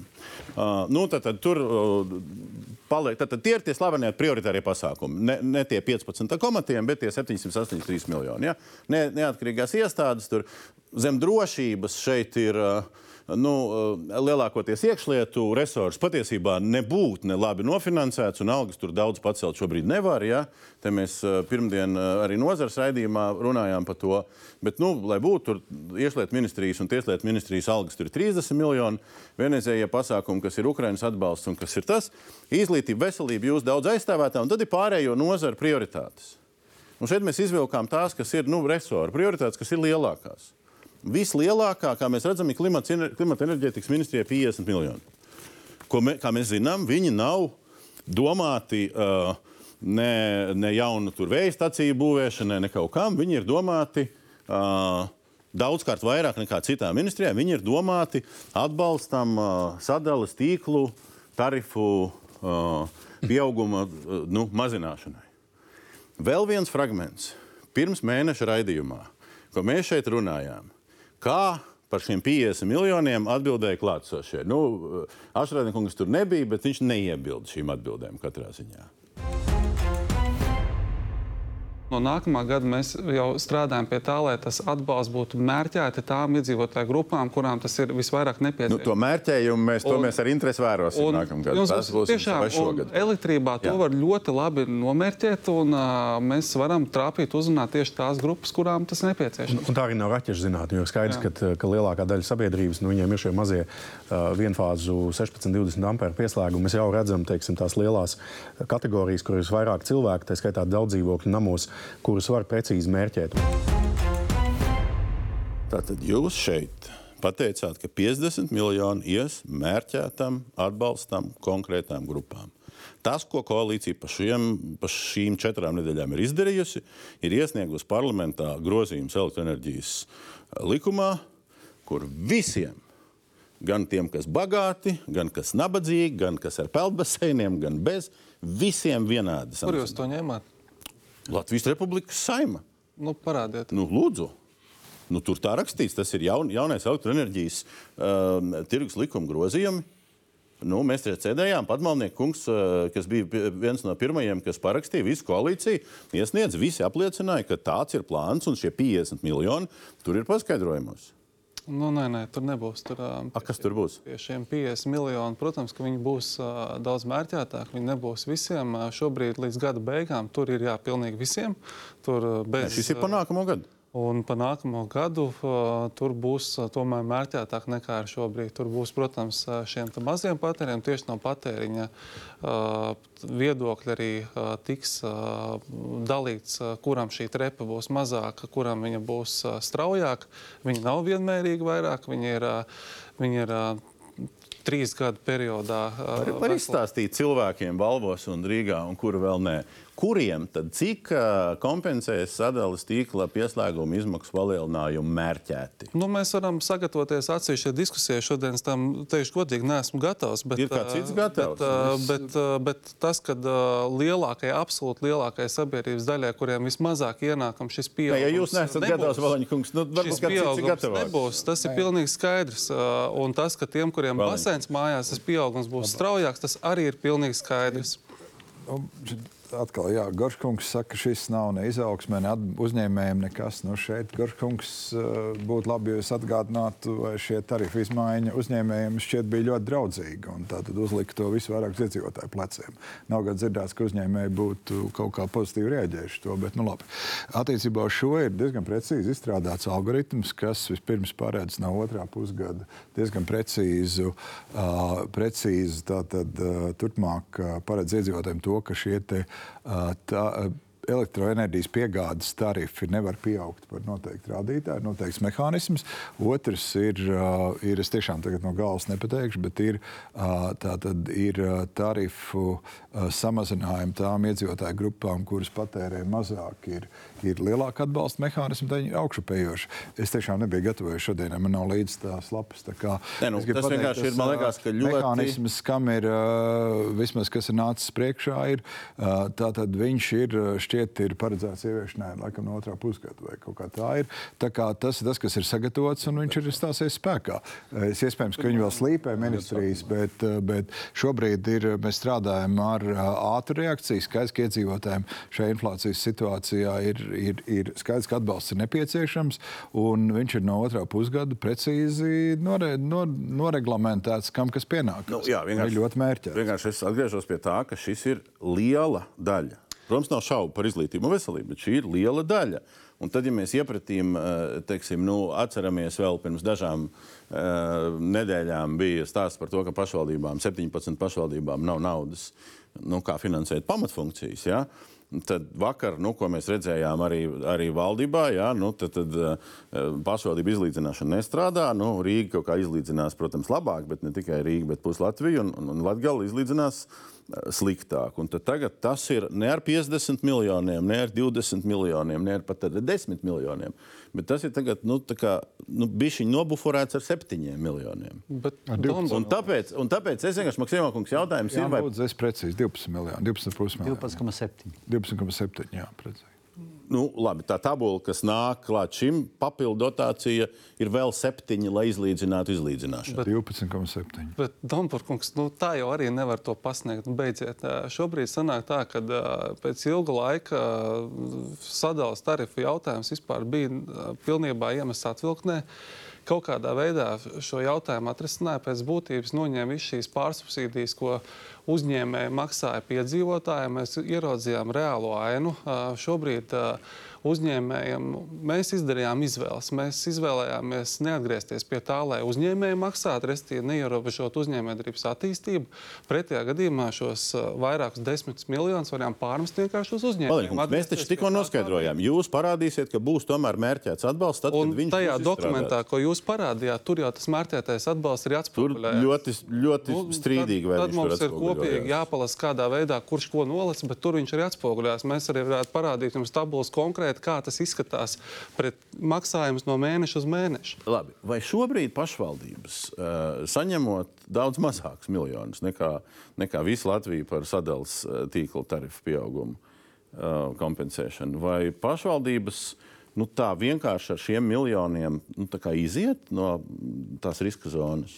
Pašvaldības neiziet, un tajā nelielajā sadaļā, kam nepietiek finansējuma, šajā gadā ir arī šis sadardzinājums. Nu, Pieņemsim, Bala pašvaldībai ir pie, prognozējami 50 tūkstoši, kas mums būs papildus jāmaksā. Bet šobrīd, eh, ja mēs runājam par Nepiekritīšu jums, ka nebija daudz uzņēmēju, kas teica, ka patiešām par viņiem ir padomāts par tarifiem. Bija tādi, kas teica, jā, jo uzņēmēji arī attīstīja tāpat atgriežas atkal pie tiem Ne, par uzņēmējiem ir Jā, padomāts šeit. jā nelē, nelēmīgiem 5% augļiem. Mēs attīstījām veselu nozari augļus un dārzeņus, un tagad, ja mēs kaut ko atkal samainīsim, rod, rodas eh, neusticība. eh, Pēctecībai šiem lēmumiem, tāpat kā šobrīd mēs runājam ar Norvēģijas uzņēmumu, kurš ir izsolījis konkursu pašvaldības ēku uz 30 gadiem, Un mums normatīvos aktus ir pēc sešiem gadiem jāpārskata ir nomas maksa, un viņi sāk uztraukties. Bet, bet, bet tagad, lūdzu, nejauciet, uh, tagad tur nav nekāda nepatstāvība. Šī norma bija terminēta, un viņa saskaņā ar likumu vienkārši beidzās. Ne. Par PVN dārziem un augļiem. Beidzot, tur neviens neko nav. Bet viņu vienreiz nav... pagarināja, varēja arī garināt otrreiz. Jā, šobrīd tas diskutē par to, ka vajadzēs šeit val, nav nekāda valdības lēmuma, nelēmuma. Ir vienkārši likumā tas paredzēts, un vienkārši tā norma beidzās. Ja? Un tas nav nekas neprognozējams. Ja kurš var izlasīt? Es atvainojos, likumā var izlasīt, ja kurš un rekrutēja ir uz, melns uz baltu uzrakstīts. Ja? Un tas nav par neprognozējumu vai prognozējumu. Tur es jums piekrītu, kā, protams, nu, jā, bet šādi gan nevajadzētu. Nevēlas pārmest to, ka tas nav kaut kāda nepilnība, bet jebkurā gadījumā e, ir uzņēmumi, ka attīstījuši savu nozari, cerot, ka iespējams. Jā, bet, es atvainojos, likumā bija ierakstīts, un iespējams, okay. ka deva kādam attēlu, kādu laiku, bet, jā, bet attiecībā, ir vispār. Jā, attiecībā par, par šiem tarifiem un par, ir daudz lietas, ko mums, protams, arī uz, uzņēmēji pamatot arī pārmet arī pašvaldībām, ka mēs esam izveidojuši veselu sociālo nozari un veselu virkni cilvēku, kuri nelabprāt iet strādāt bet labprāt izmantos šīs sociālās garantijas. Mēs esam gana, gana dāsni bijuši gan arī tiem pabalstiem, kas bija krīzes laikā. Nu, kaut arī šodien sociālās dienas un minēja, ka par telefonu, te, telekomunikācijām cilvēkam mēnesī atmaksā 20 eiro plus par katru zīdaini, tā skaita 10. Nu, jūs droši vien, ka mājās rēķināt, cik jūs gribat maksāt par internetu un televīziju. Bet, ja jūs būtu nokļūtu grūtā situācijā, jau, nu, 20 eiro apmaksā pusē katram par savu. Un daudz, daudz tādu lietu, ka, e, kuru cilvēki mēs skatāmies, ka nav kas strādā. Un tajā pašā laikā ir daudz bezdarbnieku. Tāpēc šobrīd mēs arī runājam ar sadarbības partneriem, nu, ka ir lietas, varbūt, ko mēs pārcentuši, jo nereti to normu pielāgo, izmērot vienādu temperatūru. Tas, kas der Rīgai, tas neder reģionos. Ja, jo, pieņemsim, malkas iegādē, e, viena saimniecība var iegādāt 1460 eiro malkai. Pagājušā, nu, iepriekšējā valdība, kur Ašrādienas kungs bija no klātsošiem vienīgais uh, sastāvā, jau teica, ka pašvaldību izlīdzināšanas šī sistēma ir jāpārskata un jāmaina. Un viņi mums vēl aizvien nu, nekāda jauna projekta par mainīšanu nav. Jums ir izskaidrojums, kāpēc? Jā, nu, stop, stop, stop. Mēs esam izstrādājuši, mm. atdevām pašvaldības savienībai saskaņošanai. Tā arī neesam nevienu vairāk satikuši, kurš gribētu par to runāt. Tā kā mēs šoreiz. Satikuši? Nē, nu, es atvainojos. Mēs tiešām atdevām stipri pirms, un mēs cerējām, ka viņi varētu būt budžeta paketē. Bet pašvaldības savienība pati paņēma, teica, kā teikt, analizēs, domās un tā tālāk. Viens ir skaidrs, ka tas ir novilkts tagad tik tālu. Nu, šogad bija jāglābj, bija jāmeklē kaut kāda atkal risinājuma. Tas skaidrs. Nē, nu, man te gan jāpiebilst, ka raidījumā, kas bija par pašvaldībām un reģionu attīstību šeit, pat šeit studijā, pirms burtiski dažām dienām, ministri, jaunā ministra Bērziņa teica, ka tas līdzšinējais projekts, kas ir izstrādāts, tas bija tieši pirms domas sēdes. Nu, viņas prāt arī nu, nav kārtībā viss. Nē, nē, tā ir viena cita lieta, bet tas, ka Finanšu ministrija viņu ir izstrādājusi, tā ir taisnība. Mēs, kad mēs viņu, es nezinu, pat vasaras sākumā prezentējām, tad pašvaldība saņēma. Labi, precizēja jautājumu, kāpēc viņš nav nu, tāpēc, gatavs. Tāpēc, tāpēc ka pašvaldības savienība nav reaģējusi uz viņu. Šobrīd pašvaldības savienība ir un mēs, mēs kopīgi skatām un cenšamies vienoties. Jebkurā gadījumā, e, iespējams, kā es kungs saka, tas ir nepietiekami labs, mēs varētu viņu apstiprināt. Jebkurā gadījumā mēs vienojamies arī šajā pašā domas sēdē Mārupē, ka mēs turpinām diskusiju un mēs viņu nevaram pielāgot pie 2024. Jo jau vairākus gadus eh, tas, ka šī karte, ko jūs rādāt, jau parāda, ka tā problēma ir ieaugusi dažādu apsvērumu dēļ. Un mēs katru gadu, nu, gan izskatīt, grib, gribās runāt ar Bībeles terminu, tie, ka, e, kam tik dots, tam, tam, tam būs, un kam nav, tam atņems to, kas viņam bija. Nu, šobrīd ir tā, ka tie, kas ir bagātāki, kļūst bagātāki, un tie, kas tu, tur ne, vienkārši pašā saknē, algoritms ir nepareizs. Tas, ko jūs saņēmāt, ko Ašrādien kungs saka, ir projekts, ko jūs saņēmāt tas no viņiem. Tas īsti nav tas, eh, par ko mēs būtu gatavi atbalstīt. Nu, kopumā. Jo? Nu, tur ir daudz detaļu, jo, jo pieņemsim, eh, ja mēs ņemam tikai iedzīvot ienākumu nodokli un, un nekustamo īpašu nodokli. Tas ir viens, bet pieņemsim, eh, ir pašvaldības, kur ir eh, meža resursi, un tas nekāda ziņā eh, ceļi tiek izdangāti, viss izbraukāts. Un, mēs esam gatavi papildināt, jo šeit ir vai nu mēs pārdalām iedzīvot ienākumu nodokļus starp savā starpā, kur mums būs ļoti grūti vienoties, vai nu mēs skatāmies, kā pašvaldības motivēt. Ja pieņemsim, ir pašvaldība, kur li liela meža resursi, celma nauda e, nu, kas ir tas, kur mēs varam iegūt papildus Ko mēs varam pateikt, ka tas iepriekšējais divpakāpju pašvaldību izlīdzināšanas sistēma sev ir izsmēlusi. Uh, un, uh, Tas jau bija jau pirms gada. Jau, tas Ui, pats bija- Nu, ministrija loģiski izstrādāja savus piedāvājumus. Nu, šobrīd, nu, beidzot, visi ir sapratuši, ka vairs nevar atlikt to jautājumu. Nu, sēdēsim, vienosimies, cik pakāpi viņi ir un kāda mērķa mums jāsasniedz. Jautājums, vai mēs saprotam, uz ko ejam? Ekonomikas ministrs pilnīgi savādāk šodien valdības, vakar valdības sēdē teica, ka uh, pašvaldībām pašām jāvienojās, kā izlīdzināties. Nu, jā, bet, uh, lai viņas par to vienotos, viņam jābūt pietiekošiem resursiem, lai viņas to izdarītu. Un šobrīd redzams, ka pašu pašvaldību rīcībā nav pietiekoši Mm. resursi, lai viņi spētu savā starpā par kaut ko vienoties. Tas šobrīd nav reāls Tā, tā, viņiem ir jā, viņu ienākuma bāzi jāveido pietiekoši, lai viņi būtu pašpietiekami. Tas ir tas, nu, uz kādu ideālu modeli es redzētu, kur būtu jāvirzās. Šobrīd modelis ne tuvu nav ideāls. Šobrīd vienkārši tiek viņš ir- glābts ugunsgrēks, kuru mēs glābjam.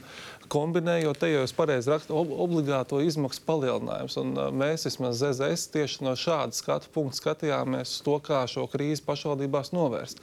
Un skatījāmies pa vairākām komponentēm. Viens ir bāzes palielinājums, tad izlīdzināšana, tad vēl papildu izlīdzināšana, tad uh, nākamais kredīta maksājuma jautājumam pieskārāmies, atrisinājām, panācām pretī, ko mēs varam uzlabot kredīta maksājumiem, deinstitucionalizācijas projekts, tā kā pašvaldības situācijas.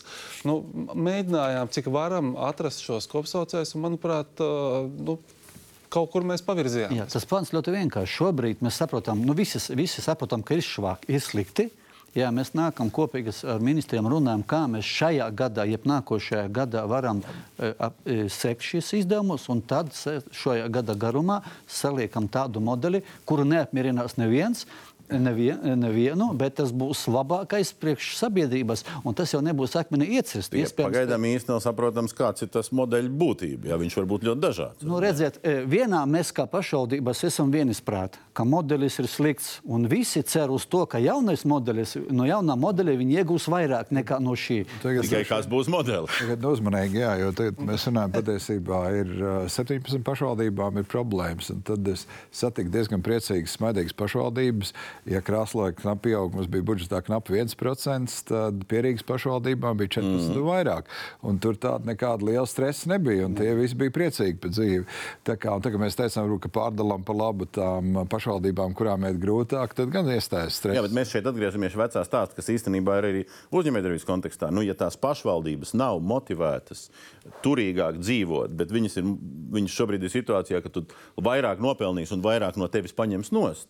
Nu, tad jau arī nu, nestrādā. tas Bet stāsts. ir eh, korekts arguments par to, ka tiešām ir jāsāk domāt, kas tiešām ir un kā ir jāfinansē. Un ļoti iespējams, ka mums jārēķina, jāsāk rēķināt arī ir uh, pakalpojumu apjoms. Nu, skaties, nu, redz, man liekas, Ādērs teica, ka viņiem ir mehāniskais pieaugums ir plus 6000 gadu laikā, un skaidrs, ka viņiem ir daudz lielāks pakalpojums jāsniedz, uh, jāsniedz uh, saviem iedzīvotājiem, un, un savukārt ir pašvaldības, kur būtiski iedzīvotāju skaits ir samazinājies. Nu, Gan arī izglītojamo skaits, gan arī iedzīvotāju skaits. Un iespējams, ka tā, nevar mehāniski rēķināt. Ziniet, mums pagājušajā gadā budžets, uh, ja mums nākamais budžets pieaug tik par 1%, kaut gan iespējams, ka ir iedzīvotāju skaits ir būtiski mazāks. Tā kā, tā kā ir jāskatās arī nu, pietiekami liela, uh, pietiekami daudz aspektu. Paš, pašvaldību uh, sakarā un, un, un pašvaldību budžeta sakarā, bet man liekas, ka tomēr ne tikai. Nu, šodien mēs vēl tādu smuki nenoformulējam. Šodien parādījās ziņa, ka saistībā ar katastrālām vērtībām, tad, tad saistībā ar 25. gadu tieslietu ministri iznāca ārā un pateica, ka katastrāla vērtība aktualizēšanas rezultātā nekustamā īpašuma nodokļa apmērs uh, necelsies. Nu, tur it kā tie teksti bija vairāk par iedzīvotājiem. Uh, par biznesu tur tā tiešā tekstā netika pateikts, vai visiem viss. Ja? Nu, Ko šis nozīmē, un vai tieslietu ministri, tad es vairāk skatos uz koalīcijas partneriem, ir pateikusi savu viedokli, vai viņi ir pateikusi koalīcijas viedokli? Nu, viņa ir vadošā ministra šajā jomā. Nu, mums nākas uh, paļauties. Tas mērķis ir labs. Uh, kā mēs viņu sasniegsim, tas, domāju, būs mūsu visu kopīgs, uh, kopīgs izaicinājums. Jo nekustamā īpašuma katastrālas vērtības ir tieši tās pats jautājums, kā sadalījuma tīkla jautājums, kurš ir atlikts entos gadus. Šobrīd viņš ir nu, tāds. Uh, Nē, bet, labi, bet jūsu pozīcija ir, ne, kad iedzīvotāji nemaksā vairāk, lai gan inflācija ir lielāka, lai gan pašvaldību budžetos nauda no tā ienāktu vairāk. Es, es pat, nu, šis, šis jautājums ir. Nu, tur tas pieaugums iedzīvotājiem, viņš, ja viņš būs, viņam jābūt ļoti samērīgam. Viņš nevar būt tāds, kāds varētu būt. Kā mērīt? Jā, ļoti, ļoti labs uzstādījums. Bet, tās abas komponentes vajag nodalīt. Tas, ka tiek aktualizētas kadastrālās vērtības, kas ir ļoti labi. Beidzot, mums kadastrālās vērtības tomēr atbildīs kaut kādai reālai situācijai. Bet tas automātiski nenozīmē, ka ir jāpieaug nekustamā īpašuma nodokļu maksājumiem. Ir iespējams ar likmēm korrigēt tā, lai caurmērā iedzīvotājiem nekustamā īpašuma nodokļu apjoms nepieaug. Bet vienlaikus, ja mums būtu kadastrālā vērtību karte, kas atspoguļo kaut kādu realitāti. Tur ir ļoti daudz dažādu priekšrocību. Tā bišķi... skaitā iespējas precīzāk mērķēt, piemēram, zemes nodokļu likumu pieaugumu dīkstāvis ekskluzīviem zemju īpašumiem pilsētās. Iespējas ir bez šaubām. Šobrīd Tieslietu ministri iznāk ārā ar tekstu, kuru izlasot latviešu valodā, ir skaidrs, ka iesaldējam maksājumus. Nu, viņu tieši tā var izlasīt. Jautājums ir progresīvs. Ļoti pareizi. Progresīvi piekrītam, iesaldējam maksājumus uz vairākiem gadiem. Mēs nodokļu darba grupā, bet katrā ziņā pirmais uzstādījums ir, ka mums kadastrālā vērtība kartei ir jābūt atbilstošai realitātei, nevis tā kā tagad. Sadalām divas daļas. Tiešām nodokļu vērtība un kamēr ir augsta inflācija, es vairāk kārtas arī šajā studijā teicu, nekāda nodokļu palielinājuma iedzīvotājiem nebūs. Nākamgad vairs nebūs. Nu, tie, pagaidām, lai viņi, tad, kad viņi nebūs, tad runāsim. Un tad runāsim. otrs ir kadastra vērtības, ir tiešām ļoti svarīgs instruments, kurā gan bankas aprēķina, gan daudz aprēķina. Ja, to nav strīds. Jautājums ir par šo paziņojumu. Mēs vienojamies par šādu punktu, un tā tad vēl ir pašvaldības savienība lūdzu saskaņot metodoloģiju. Tā kā šī lieta tiek saskaņota, bet, bet ministrē ir ļoti korekts formulējums. Nu, pašvaldības savienības tur tajā protokolā tur bija garš teksts par to nekustamību nodokli atšķirīgs no ministra kabineta viedokļa. Nu, precīzi, jā. kāds tam viņš bija tagad beigās? Atšķirīgs. Nu, nu, izlas, izlas, nu, kas nu, rakstīts? Man jālasa jā, jātiek galā, ir ar, jātiek galā ar metodoloģiju. Tas arī ir. Bet izlasēt to vienu. Nē, tur arī pusotrs gads bija uh, iepriekš un tam līdzīgi. Tam, kas tur precīzi ir pateikts, arī kamēr netiks izstrādāta jauna nodokļu politika. Tas nozīmē, ka tajā nodokļu darba grupā, kas tagad strādās līdz aprīlim, ir iespējas par šiem jautājumiem diskutēt. Un tas, ko progresīvie šeit noteikti ienesīs, ir šī diskusija par dīkstāves zemes īpašumiem, ekskluzīvām teritorijām, kuras netiek nodotas ekonomikas apritē. Mēs vēlamies, lai ar nodokļu politiku tiktu stimulēta šo īpašumu atgriešana ekonomikas apritē, lai tur var uzbūvēt uh, mājokļus, uh, biroju ēkas, lai mums attīstītos ekonomika. Nevis tur vienkārši stāvētu spekulatīvi zemes gabali, kur 20 gadus uh, nenotiek nekāda attīstība. Vienlaikus zemes balva novadā, lai nestāv pa daudz. Nu, lielajās pilsētās, jā. kur tiešām ļoti augsts. Šķirot pilsētas un nepilsētas? Tas nu, ir mēs vēl līdz tam tikuši. Darba grupā noteikti diskutēsim par to. Rīga noteikti ir kandidāts. Jā, ziniet, protams, par to jārunā pašvaldības sānība un uh, citās uh, pašvaldību organizācijas. Par to šobrīd piekrītu šām kungam, ka celt nodokļu, ka liela inflācija, tas, tas būtu neprātīgi, bet tai dinamika ir, ir jābūt. Jāsaprot, jā, okay, šogad mēs neceļam, bet mēs vienojamies par algoritmu, kad, kad tas notiks, jā, un iedzīvotājs ir gatavs, un tad arī tiek izvērtēts. Jā, lēnīšam, sistemātiski un saprotam. Mēs esam gatavi diskutēt par, par, par principiem. Jā, un, protams, nu, eh, pašvaldību nekustamības nodoklis nesastāda lielāku budžeta, ta, budžeta daļu. Tāpēc... Bet dažādās valstīs viņš sastāda krietni lielāku nekā Latvijā. Protams, redziet, bet tad atkal mēs pie citas puses atgriežamies. Citās valstīs ir daudz sociālo pašvaldību dzīvokļu, kur cilvēki ir daudz turīgāki. Mums ir ļoti maziņš procents, un cilvēki dzīvo privātajos dzīvokļos. Jā, ne, bet te nu gan ir atsevišķi saruna droši vien vajadzīga, jo nu, pašvaldībām ir tik atšķirīga taktika. Tā kā būs projekts skaidrs, ka jā, jā, bet es atvainojos arī par esošo, ir vērts parunāt. Jā, ir, at, jau, jau tagad tā, par klasiku kļuvušais jūrmālas gadījums, kur nīna praktiski netiek piemērots un citas iet ļoti agresīvi ar Protams. tam īpašumu nodokli. Bet Tas jau tika, cik gadus tagad atlikts? Ja četrus, nu? Samaksājums vienkārši tur. Jo, mēs jau šobrīd arī kā, kā uzņēmējiem esam gatavi ato, atbrīvot uzņēmējus no nekustamiem īpašumu dažādu algoritmus, bet tas ir tik smieklīgi. Es varu pateikt, jā, mēs jūs atbrīvojam no nekustamiem īpašumu nodokļa pieņemsim, ražošanas ēkai 100 eiro. Nu, tas nebūs tas. Uzņēmējs atnākot, nu, izdejot no, no Rīgas teritorijas, viņš jautā, kāds labums man no tā, ka es pie tevis strādāšu, 100 eiro nodokļus atlaidīšu. Uzņēmēju pusē, LDDK pusē ir pozīcija par šo situāciju šobrīd, ja vienkārši gaidām, kad atnesīs nākamo projektu. Gaidām tagad jau darba grupas atsākšanos aprīlī, kā es uzzināju. Jā, viņi tas ir līdz jautājums. Viņi atsākās jau tagad. Tāda ir jautājums, jā, cik ātri kas notiks. Uh, Irkli kungam es gribētu vēl vienu atgriezties uh, jautājumu. Arī tā fragments no bildītes, ko pirms mēneša mēs jau sākām apskatīt. Tad, tad tie 783 tās prioritātes jā, sastāv 5% no tā, kas uh, toreiz tika publiski pateikts, ka izdevumi būs 16,1. No oficiālā skaitļa šobrīd nav. Jā, oficiālais skaitlis tiks, acīm redzot, nākamā trešdiena izziņots. Mm. Uh, un tad, ja lasa tos milzīgi garos dokumentus, kas tur augustā gāja cauri vēl siltā vasaras dienā valdības sēdē ja, par budžeta izdevumu pārskatīšanu, tad tur parādās tāds stāsts, ka ir bijusi darba grupa, kur piedalījās Finanšu ministrija, Latvijas banka, valsts kancelēja un valsts kontrole ar novērotāja statusu. Un tad viss tas beidzās ar 112 miljoniem, kur tur kaut kur ir no 16 miljardiem, kaut kur tur pārstumdīti. Jums ir kaut kāds stāsts, cik uh, tie 15,3 ir uh, pilnvērtīgi pārvērtēti, un cik tur ir efektivitāte izmērīta vai nav? Jā, nu šāda budžeta izdevuma pārskatīšanas grupa strādā jau vairākus gadus. Valsts kontrole tur ir tiešām novērotāja statusā. Es teiktu, ka šis darba grupas darbs noteikti arī ir viens no tādiem pilnveidojumiem, pilnveidojumām jomām, jo tas, ko tur var novērot, novērojot no malas, ir, ka viņš ir lielā mērā tā pārskatīšana uz tādiem brīvprātības principiem balstīta. Un lielākā daļa tie izdevumi, kas tiek pārskatīti, arī paliek tā resora iekšēnē. Respektīvi, Jā. paši pārskatījām, atradām ekonomiju, nu, un atradām, kur citur to iztērēt. tad eh, ļoti, ļoti neliela daļa tikai no tās summas ir tāda, kur var nu, brīvi tā skatīties, kur pārdalīt, eh, iespējams, citam resoram kaut kādām tiešām prioritātēm. Un novirzīt varbūt ā, tiešām tādām būtiskākām, svarīgākām lietām. Līdz ar to ā, nu, te prasās tāda tā, brīvprātības principa nedaudz mazināšana. Tas var mazināt apetīti kaut ko pārskatīt resoriem, ja, bet te varētu būt tiešām tāda lielāka virsuzraudzība, stingrība. Iespējams, horizontāls skats daudziem jautājumiem, kur ar, ar, ar kaut kādām salīdzinošām metodēm varētu meklēt tur, kur ir iespēja vairāk samazināt, kur ir iespēja vairāk optimizēt. ā, Un arī nu, ar tādu lielāku stingrību arī tad, ā, nu, to, to pārskatīt un, un, un ie- iekonomēt tos līdzekļus, nevis atstāt tam konkrētam resoram, kur tad mēs atradām to ietaupījumu, bet skatīties, kur jēgpilnāk un, un atbilstoši valsts prioritātēm. Respektīvi, vairāk rezervītes tur ir. Jūs, sakat. Nu, vajadzētu būt. Jā. jūs redzat šo kā arī problēmu? Es jau teicu, ka budžetēšanas process arī lēnām sāk sev izsmelt, un viņš ir jāmaina. un diezgan skaidrs, kādā virzienā tas būtu jāmaina. Tā kā arī tā revi- nu, bāzu pārskatīšanā. Es, es nevaru noteikti pateikt, ka tas ir pats ideālākais process. Skaidrs, ka viņas notiek, notiek diskusijas, ir diezgan interesanti tie, tie notikumi, ir, bet, bet, protams, ka tur ir, ir iespēja, daudz iespējas daudz lielākiem resursiem. Nu, ir citi komentāri. Ja...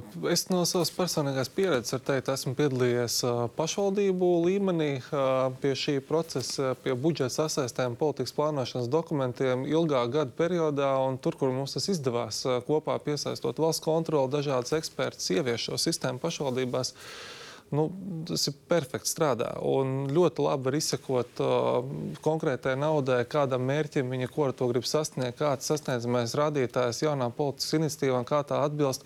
Un arī valsts budžetam ir uz to jāiet. Tas, nav, tas ir ļoti maz pašvaldības tādas, kuras to ir spējušas izdarīt. Tur tagad citas mācās. Tā un vienkārši tas nozīmē, ka koalīcijā ir strauji un, un konkrēti jāmaina. Es redzu, ka no nākamā gada mēs to izdarīsim. Nu, vismaz vismaz nu, tam mērķim tādam jābūt. Es neredzu tur neko neiespējamu, jo ieguvumi ir ārkārtīgi lieli gan valsts pārvaldē, gan sabiedrībai visiem. No Pirm, a, pirms procesa. visu atlikt uz nākamo gadu. Man tradicionālais jautājums, ko Ašrēna kungs atcerās vēl pirms gada, bija par izdevumiem novembrī, decembrī. No, valsts kontrole arī, man liekas, ik pa brīdim ir kaut kā paskatījusies uz to, es ceru.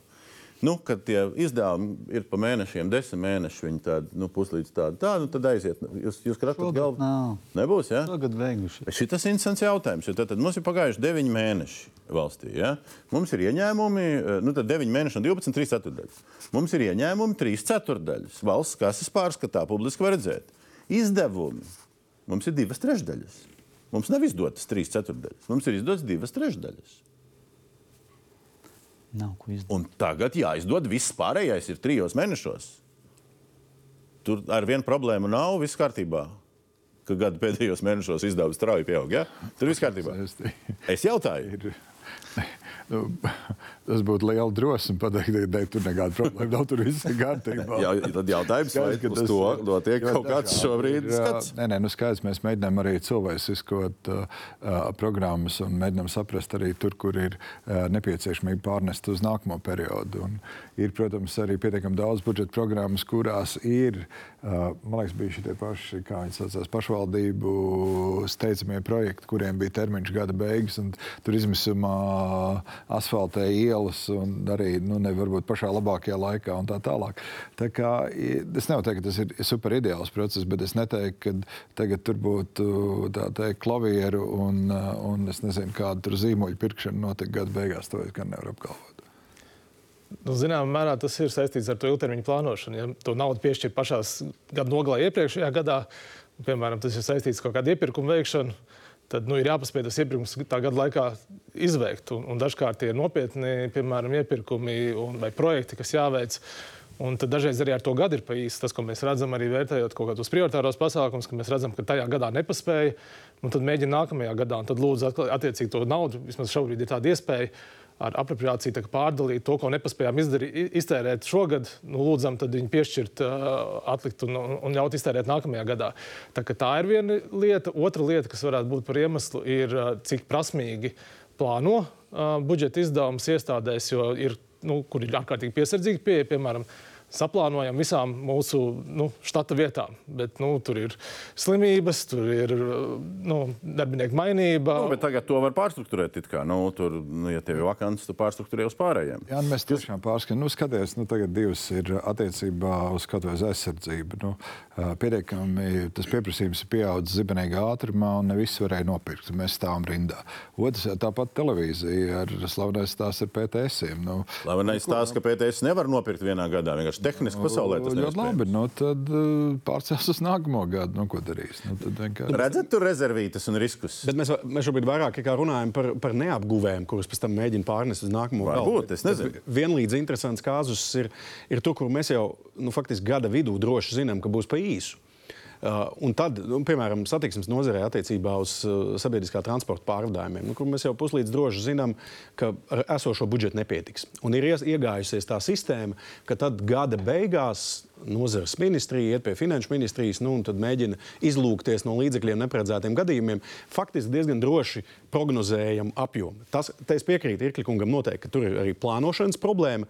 Tas ir šokējoši, cik Bet slikti. novembrī, ir atsevišķas decembrī vairs pozīcijas. nav nekas palicis no neparedzētiem gadījumiem. Nu, Tas piemēram, tāda situācija šobrīd ir sabiedrisko pārvadājumu jomā, kur faktiski jau ir izpildīti pakalpojumi. Un mēs zinām, ka par novembru un decembri atnāks tie rēķini, un valstī nav Pa ko jūs par maināt? Nē, nē, es eh, arī centos iesaistīties diskusijā, bet es domāju, ka klātesošie mēs katrs pārskatot savu, savu ģimenes budžetu, droši vien varētu atrast uh, 10% šajā, uh, šajā, šajā budžetā. Un skatoties uz šiem skaitļiem, tas būtu 1,6 miljardi, ko mēs varētu novirzīt izglītībai, veselībai, drošībai. Uh, un citām nozarēm, kas ir nepieciešams. Tādēļ es loģikai papildus piekrītu, runājot to nevar par izdarīt laikā. prioritāriem pasākumiem. Cik mēnešos var? Jārunā Jau darām. Tagad budžets iet uz tūlīt. redz, jūs sakat, ka jūs darat, bet tas, tie skaitļi, kas te parādās, tā varbūt ne tik oficiāli, liecina, ka šie izdevumi, un šie izdevumi jau ir mīnus, viņi jau ir uz parāda. Šie izdevumi jau aug, un nākamā trešdiena valdības uh, izdevuma daļā budžetā, ko nesīs uz saimnu, nebūs 16,1. Bet būs vairāk, pareizi. Nu, sagaidām, ka nesīs. Bet es, kāpēc domāju, ka būs vairāk? Nu, tāpēc, ka pirms pāris dienām tā, mēs palūdzām uh, informāciju par to, cik ir iekšējai drošībai no kopējā budžeta, mēs ieraudzījām tur konsolidētā budžeta izdevums nevis 16 miljardi 109 miljoni, bet 16 miljardi 212. Hmm. A, kāpēc jūs domājat, ka tas uh, nav uh, patiesa skaitlis? Ne, es nevaru komentēt. A, kā pienāca? Pagaidām, finanses ministrs nevar komentēt 103 miljonus, kas nāca klāt. Kurš domā? Tas ir trīs. No 100 212 minus 109, 103. Jā, jā, nu, jā droši vien. bet, Nu, A, pašlaik, kā viņi tur tā pieauguši? pašlaik Nav komentāru. 16,2 ir. Jā, jā taisnība. Par A, kas, kas ir no pašvaldības tagad dabūt tikai maz 11? A, kam nāk klāt vēl tas simtnieks?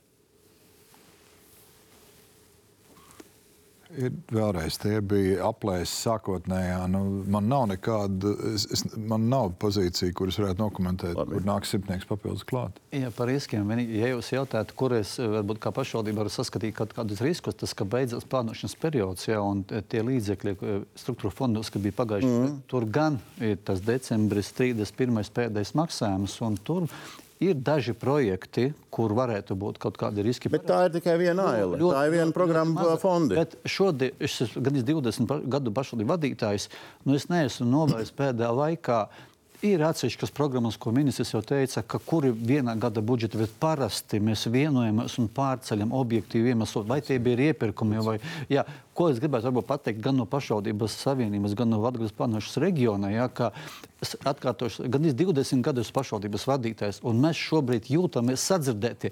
Mēs nejūtamies pilnīgi apmierināti mūsu vajadzības tā un no tā, ko mums vajadzētu, bet mums diskutē un runā, jā, vai ir 17 vai 16 miljoni. Mēs turpināsim runāt un ceru, ka arī atradīsim kopēju valodu. Bet, eh, bet sakiet, eh, pie, tā, pie tā jūsu tā, nu, it īpaši Latgales bēdīgā stāstā, eh, ka vairs viss ir nooptimizēts un vairs nevar neko optimizēt. Ja?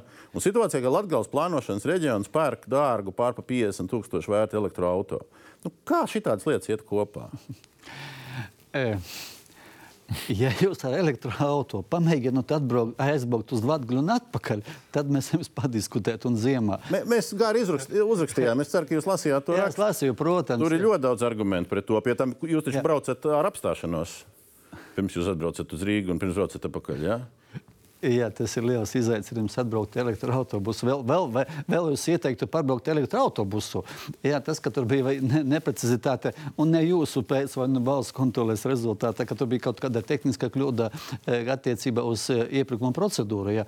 Ja, jūs, ja, ja mums jāpērk Mercedes vai Tesla, tur, protams, mēs diskutētu. No, bet jābūt e, tādai automašīnai, kuru mēs spējam pildīt, pildīt uzdevumus. Un, tur, tur, tā un, nianse, tur tā nianse bija, ka tur daži pat dārgāki par Teslu kvalificējās, jo, eh, jo tā prasība pēc, pēc tās gaitas rezerves 500 km izslēdz tur pusi no kandidātiem. Tas bija diezgan interesanti. Jūs jau redzējāt, ka arī Varams dokumentēja, ka tur nesaskata, nesaskata problēmas. Jau, par ko mēs atkal diskutējam ar Varam un citām ministriem attiecībā, ir tā, ir tā, ir tā prasība, eh, ka nu, pie noteiktai, noteiktai mašīnai mums ir jābūt elektriskai mašīnai, un es nevaru nopirkt nevienā, ne dīzeļa, ne benzīna, tāpēc, ka man jābūt nākošais elektroniskam. Tas, un, un tas ir tas, man liekas, kas to, šomēr ro, rada sabiedrībā šobrīd to netaisnības sajūtu. Ja? Jo, teiksim, nu, mūzikas padomu, piemēram, vakar, ja, aizvakar uzrakstīja atklāto vēstuli. Un viņiem tas stāsts, lai nebrau, nebrauktu augstas kvalitātes uh, nu, orķestra mākslinieki prom uz citām valstīm strādāt, ja, mu, muziķi un, un, nu, daža, dažādi, dažādi dziedātāji un tam līdzīgi. Viņiem patiesībā tur ir runa par dažiem miljoniem uz visiem šiem stāstiem, ko mēs te runājām. Ja? Un, un, un, un, lai viņi varētu aizbraukt uz Latviju, pakoncertēt, nu, varbūt, ja tā mašīna maksātu 20 uh, vai 15 tūkstoši mazāk, jā, varbūt daži no tiem muzeķiem palikt Latvijā. Tas ir tas jautājums kaut kur pa vidu, kas starp rindām izbirst laukā. Ka ir kaut kādas ļoti treknas vietas. Un ir situācija, kad tie ugunsdzēsēji glābēji saņem vēl aizvien uz rokām. Un nākamgad pat saņems pamata algu zem, zem tūkstotis uz rokām. Ja? Un, un, un šitie saka, ka viņiem ir tās algas briesmīgi mazas. Mēs kaut kur mēs, mēs krītam cauri nu, tādā paralēlā realitātē. Labi, nu, attiecībā uz šo sektoru gan ir tas ir sektora politikas vadītāja jautājums. Mēs iedavām papildus, jau iepriekš iedavām uh, kultūra kapitāla fondam diezgan, brīvu, brīv, diezgan brīvus līdzekļus. Kurā nav kultūra kapitāls, šis ir, Nē, šis nevar, ir cits. Protams, ka tas nav kultūra kapitāls, bet atvaino pārprogrammēt, uh, kurā vietā, kam tērēt, uh, ko finansēt. Jūs paliekat pie tā kultūrai, kā, kā resoram naudu pietiek pietiekami. Nevis nu, pietiek, bet pietiek. Nē, nē, nu, ko pietiek? Pietiek, es nevaru pateikt, bet es, ja skatos no, no man nav nekāda cita iespēja, kā salīdzināt pār Eiropas Savienības dalību valstīm, līdzīgi ar pašvaldībām. Mēs finansējam pret vidēju. Nozara saka, jautājums ir, ja mēs eh, nekustamā īpašuma ieguldījums vai būvniecību izceļam ārā no kultūras nozares, bet tad varbūt, tur paliek daudz mazāk. Varbūt, ka, kāpēc izceļam ārā? Ir, ne, tāpēc, ka dažādās valstīs dažādi skaitot. Tas nekā, ir tas, ka piedod, ir vienota metodoloģija visā Eiropas Savienībā ir vienāda. Progresīvie pārvaldes kultūras nozara pieņem pieņem šito un pieliekam tos nekustamos nu, mēs redzam, ka nu, atalgojums eh, kultūras darbiniekiem būs pieaudzis ne tik lielā apmērā, kā iepriekš populistiski solīja nozares ministrs. Eh, Mums, protams, ir finansējums arī vienam ļoti lielam nozares izaicinājumam, kas ir sabiedrisko mēdīju apvienošana. Eh, Šajā gadījumā kultūras ministrija, kur nu, vienas konkrētas partijas pāraudzībā bija ļoti daudzus gadus, eh, turpat nav skaidra pat kultūras nu, politikas stratēģija. Ja, pat Tagad pie tā nē, jāķerās. nē, budžetu. Un tad jau arī precīzāk budžetēsim. Bet pamatu ugunsgrēki ir nodzēsti. Labi, virzoties uz šīs sarunas noslēgumu. Um, budžets tāds vai citādāk ar cerībām vai ar neizdarītiem mājas darbiem, vai kā mēs visi sakām, aiziet uz uh, saimnu pēc nedēļas un droši vien pāris dienām. Un tad ir tas jautājums, nu, pēc tur, vai kontekstā ar satversmes tiesas spriedumiem vai bez viņiem, ja, ko saima dara vai ko saimā eh, dara un valdība piekoriģē budžeta projektā, nu, saimas izskatīšanas laikā. Ja, kā vēl budžets uh, mainās? Kas ir, kas ir šī brīža rezumē? Kam uh, nu, mēnesis un pāris nedēļas, ja mēs tā skatāmies, līdz decembra sākumam, kad ir šobrīd plānots saimā šo budžetu apstiprināt? Kas ir tas, kas vēl būtu jāizdara, ja nevaldībā vairs atlikušās nedēļas laikā? Tad laikā, kad saimā šis budžeta projekts tiek izskatīts. Mēs turpinām diskusiju. Mēs piedalāmies gan kā pašvaldības savienība, gan kā jebkura organizācija, kas par pašvaldību. Mēs runājam gan ar finanšu ministru, gan ar varam ministru. Turpinām diskusiju valdībā, turpinām diskusiju arī saimā. Jā, bet ko jūs gribat panākt? Jo mums šobrīd, mēs, nu Mēs- kā, iedodiet mums vairāk izdevumus, tas nozīmē mēs lielāks pamatām, deficīts. re, kur Vēl ir mūsu kas. vajadzības. Pi- ļo- Te man ļoti atšķirīga. Pieņemsim, vienai pašvaldībai procentu likme e, pārs, pārsniedz 5%, citai tikai 1,1. Saka, re, kur mēs nespējam pildīt šo funkciju, kā mēs risinām. Vai mēs vienojamies ar finanšu ministru, ka mēs pārliekam, pieņemsim, kā variantu, pārliekam visu pamatsummu, mm. un mēs sakam, viss. Tas mūs apmierina. Jā, tas būs rops valsts kasē, kura neieņems mm. to, finansējumu, bet mēs nepiemēram visai, visai Latvijai. Par to gan mēs esam vienojušies, ka var Jā. pārstrukturēt. Vai, tā, vai tās procentu sadārdzināms, jo šobrīd ir, kuri, ir, kuriem ir paveicies, bet tos arī nevar sodīt, kuri ir iesaldējuši procentu likmi un citi paļāvās varbūt. Neviesaldējuši. Piemēram, Rīga ir aizņēmusies ar fiksētu procentu. Nav fiksēto, jā, es, es to Jā. saucu par iesaldēšanu, jā, Un jā, nav problēma, kur, jā. kur netik bieži pārskatīs. Jā, citi Viņi nepārskata vispār. Tā kā Viņi ir tādi, kā Tāda ir. Ja cerot, ka drīz tomēr eh, karš beigsies un mēs atkal sagaidīsim vienu fantastisku laiku, ka būs 0,5%. Jūs sakat, uh, arī vairāk izdevumu, pat ja tas ir uz nodokļu maksātāju parāda rēķina kopējā. Vēlreiz jautājums. Vairāk izdevums no valsts budžeta pašvaldībām. Vai vairs Nu, ne? redziet, mēs atkal kā pašvaldības saimnieks skatāmies, bija kaut kurš brīdis, kad mums atņēma tos 5%, jā, un, mēs, un mums rada šo, šo disbalansu, jā, un varbūt no tiem 130, kas būtu pie 80% lik, likmes, jā, tagad mēs mēģinām nu, motivēt, ka varbūt ne tikai tie 11, varbūt tie 20, bet mēs tiktu galā ar šīm pamatfunkcijām. Protams, mēs arī pirms sanāksmes runājam, ka mēs šobrīd pārskatām arī savu. savu. Nav tā, ka pašvaldības ir bez grēka. Ir lietas, eh, kas mums vienkārši jāsaka ap savu virtuvi, bet pieņemsim, slēdzot vienu skolu, ko šobrīd arī eh, Krasovas mēru runāja. Viņš slēdz divas skolas, viņam tas labi, ja nākošajā gadā 100, 200, 300 tūkstoši ietaupījums, bet tas neatrisina. Pa, pa skolām, ja mēs nu, nofiksējam īsi, nu, pašvaldību un ministru kabinetu šajā protokolā ir nesaprašanās pozīcija arī pa skolām. Ir valdības pozīcija, kas ir ierakstīta, un ir pašvaldības pozīcija. Viņas ir divas dažādas pozīcijas. Tas nozīmē, ka iespējams arī no finanšu resursu vajadzībām ar izglītību var būt dažādi. Jā, tur ir abās pusēs atbildība. Viens ir apņemšanās pacelt skolotāju algu likmes, jā, bet tiklīdz tiek pacelta viena sadaļa, mums nāk papildus šī obligātā komponente, ko mēs nespējam pildīt. Protams. Kas ir, uh, ko vajadzētu, nevis kas ir jāizdara? Ko vajadzētu izdarīt vēl ar šo budžeta projektu saimas izskatīšanas periodā? Nu, Saimē, protams, ir vārds. Un, uh, lai, lai, lai parasti, protams, saimē ir maz, maz iespējas dots ietekmēt. Vēsturiski ir bijušas deputātu kvotas, šobrīd par laimi tās nav.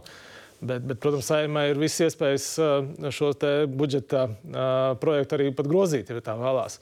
Bet tas, ko es redzētu no savas puses, varbūt, lai izvairītos no, no tām kļūdām, kas ir iepriekš bijušas, varbūt šajā posmā prasītos lielāku atklātību, detalizāciju par tiem prioritāriem pasākumiem, kādām īsti programmām tā nauda ir paredzēta un kādā veidā viņi tiks izlietota ar, ar kādiem rezultātīviem rādītājiem. Jo tā viena no problēmām, ko mēs esam redzējuši, no OECD ar par to ir runājis, Mums ļoti daudz tās budžeta programmas ir, tur ir vairāk kā 2000 KPI, tie, tie rezultīvie rādītāji. Un, un viņi, ir, viņi, ir, viņi ir maz sasaistīti tiešām ar to valsts attīstības stāstu. Un, un te ir jautājums, kā mēs varam izskaidrot gan, gan pašam likumdevējam, gan sabiedrībai kopumā. Uh, kādus attīstības rādītājus, tos lielos, mēs ar šo budžetu cenšamies sasniegt. Restī, jūs redzat, ka tie rādītāji būtu jāliek nu, kaut kā sīkāk vai konkrētāk nekā viņš šobrīd ir budžeta paskaidrojumos, nu, tur piesaucot Nacionālo attīstības plānu un kaut kādas tur atsevišķas nu, pozīcijas. Nu, lielā skaidrība varētu pēc tam varētu būt vieglāk nomērīt, plus arī iespējams saprast, ka varbūt kāds no šiem pasākumiem, nu, ka viņš ir jākoriģē, vai viņš nav iespējams nākamā gadā, lai izvairītos no situācijas, ka nav diedevām. Un tad gadu vidū sapratām, ka īstenībā mēs tajam, tam projektam nevarēsim nu, novirzīt un, un mm. īstenot. Labi, no LDDK puses vēl gaidot trīspusējo apspriešanu.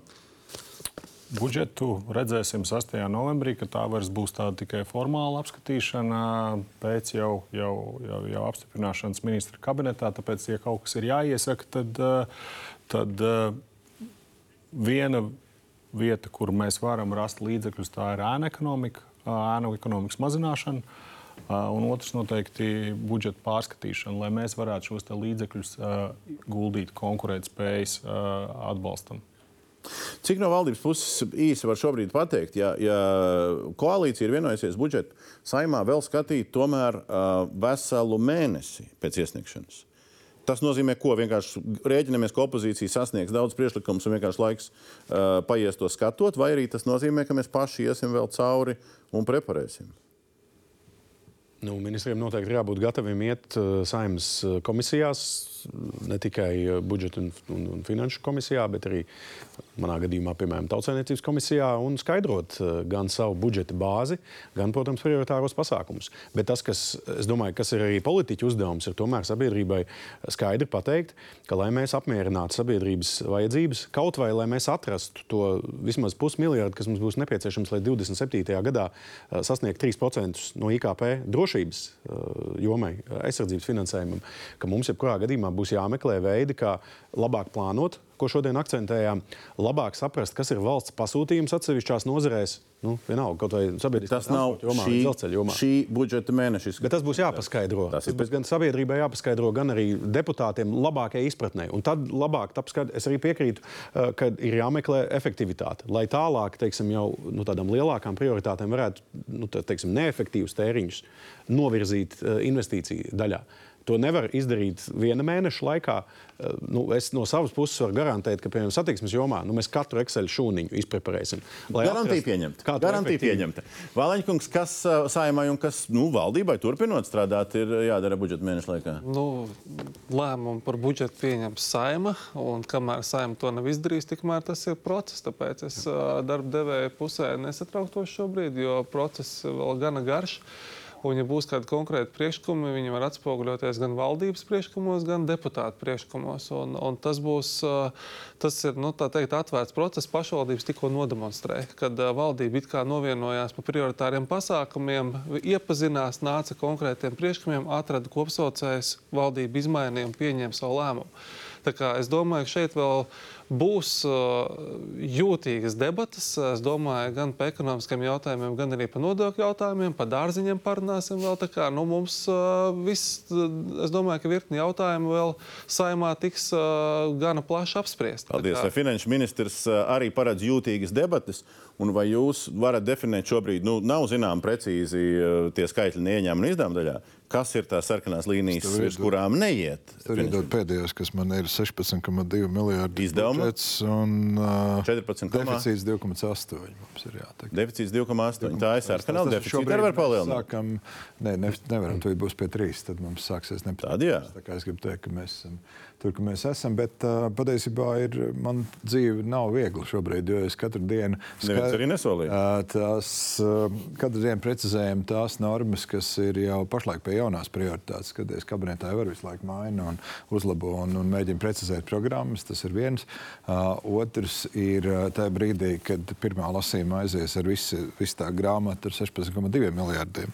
Uh, tad jau būs arī jautājumi par vienu vai par otru vai trešo programmu. Skaties, visas komisijas skata savas, savas izmaksas, un, un tur bieži vien rodas jautājumi, un uz otro lasījumu ir ļoti daudz, ļoti daudz precizējumu. Tā kā es gribu teikt, viņš ir sarežģīts uh, demokrātisks process, kurā notiek gan balansēšana, gan kļūda labošana, gan papildinājumi. Tā kā ir, es nedomāju, ka tas būs ļoti vienkārši, bet nu, mēs to tā teikt. Bet finanšu ministra šobrīd pozīcija ir, ka pret 16,2 izdevumiem eh, deficīts nedrīkst pārsniegt 2,8%. Nu, es gribētu teikt, ka tā ir ļoti bīstama robeža. Nu, es zinu, ko Eiropas komisija tajā brīdī teiks. Jā. Jautājums jau kā ieņēmums noprognozē. Tas jau nomaina arī to bilanci. Nu, tas arī nav tik vienkārši, tāpēc, ka uh, nav jau tā, ka mēs tur sēžam un iezīmējam tagad drusku vairāk. Ja, tā tas ir skaidrs, ka ir eksperti, kas lem par to. Un, Bet un, tā protams. ir valdības pozīcija, tā jau nav tikai finanšu ministra pozīcija. Tas ieliek rāmi pilnīgi visai koalīcijai. Sekosim, kas notiek, un droši vien, ka šajā studijā, līdzīgā vai citā statusā, turpināsim nākamā mēneša uh, ietveros. Paldies, kungi, par to, ka uh, atnācāt šovakar atspētādus parādīt argumentus. Paldies publikai par uzmanību. Es tikai vēl saku, ka uh, ārpus trešdienām LSMLV portālā, um, kas notiek Latvijā speciāli izlaidumi, tā skaitā ar vēl um, dažiem klātsošiem ministriem uh, sērijā, kā, kas jādara Eviks Siliņas valdībai, turpinās piekdienas un pirmdienas. Uh, Mm, tuvākie divi - zemkopība un labklājība. Sekojiet līdzi, un um, trešdienas vakarā tiekamies pēc nedēļas. Labvakar! Labvakar.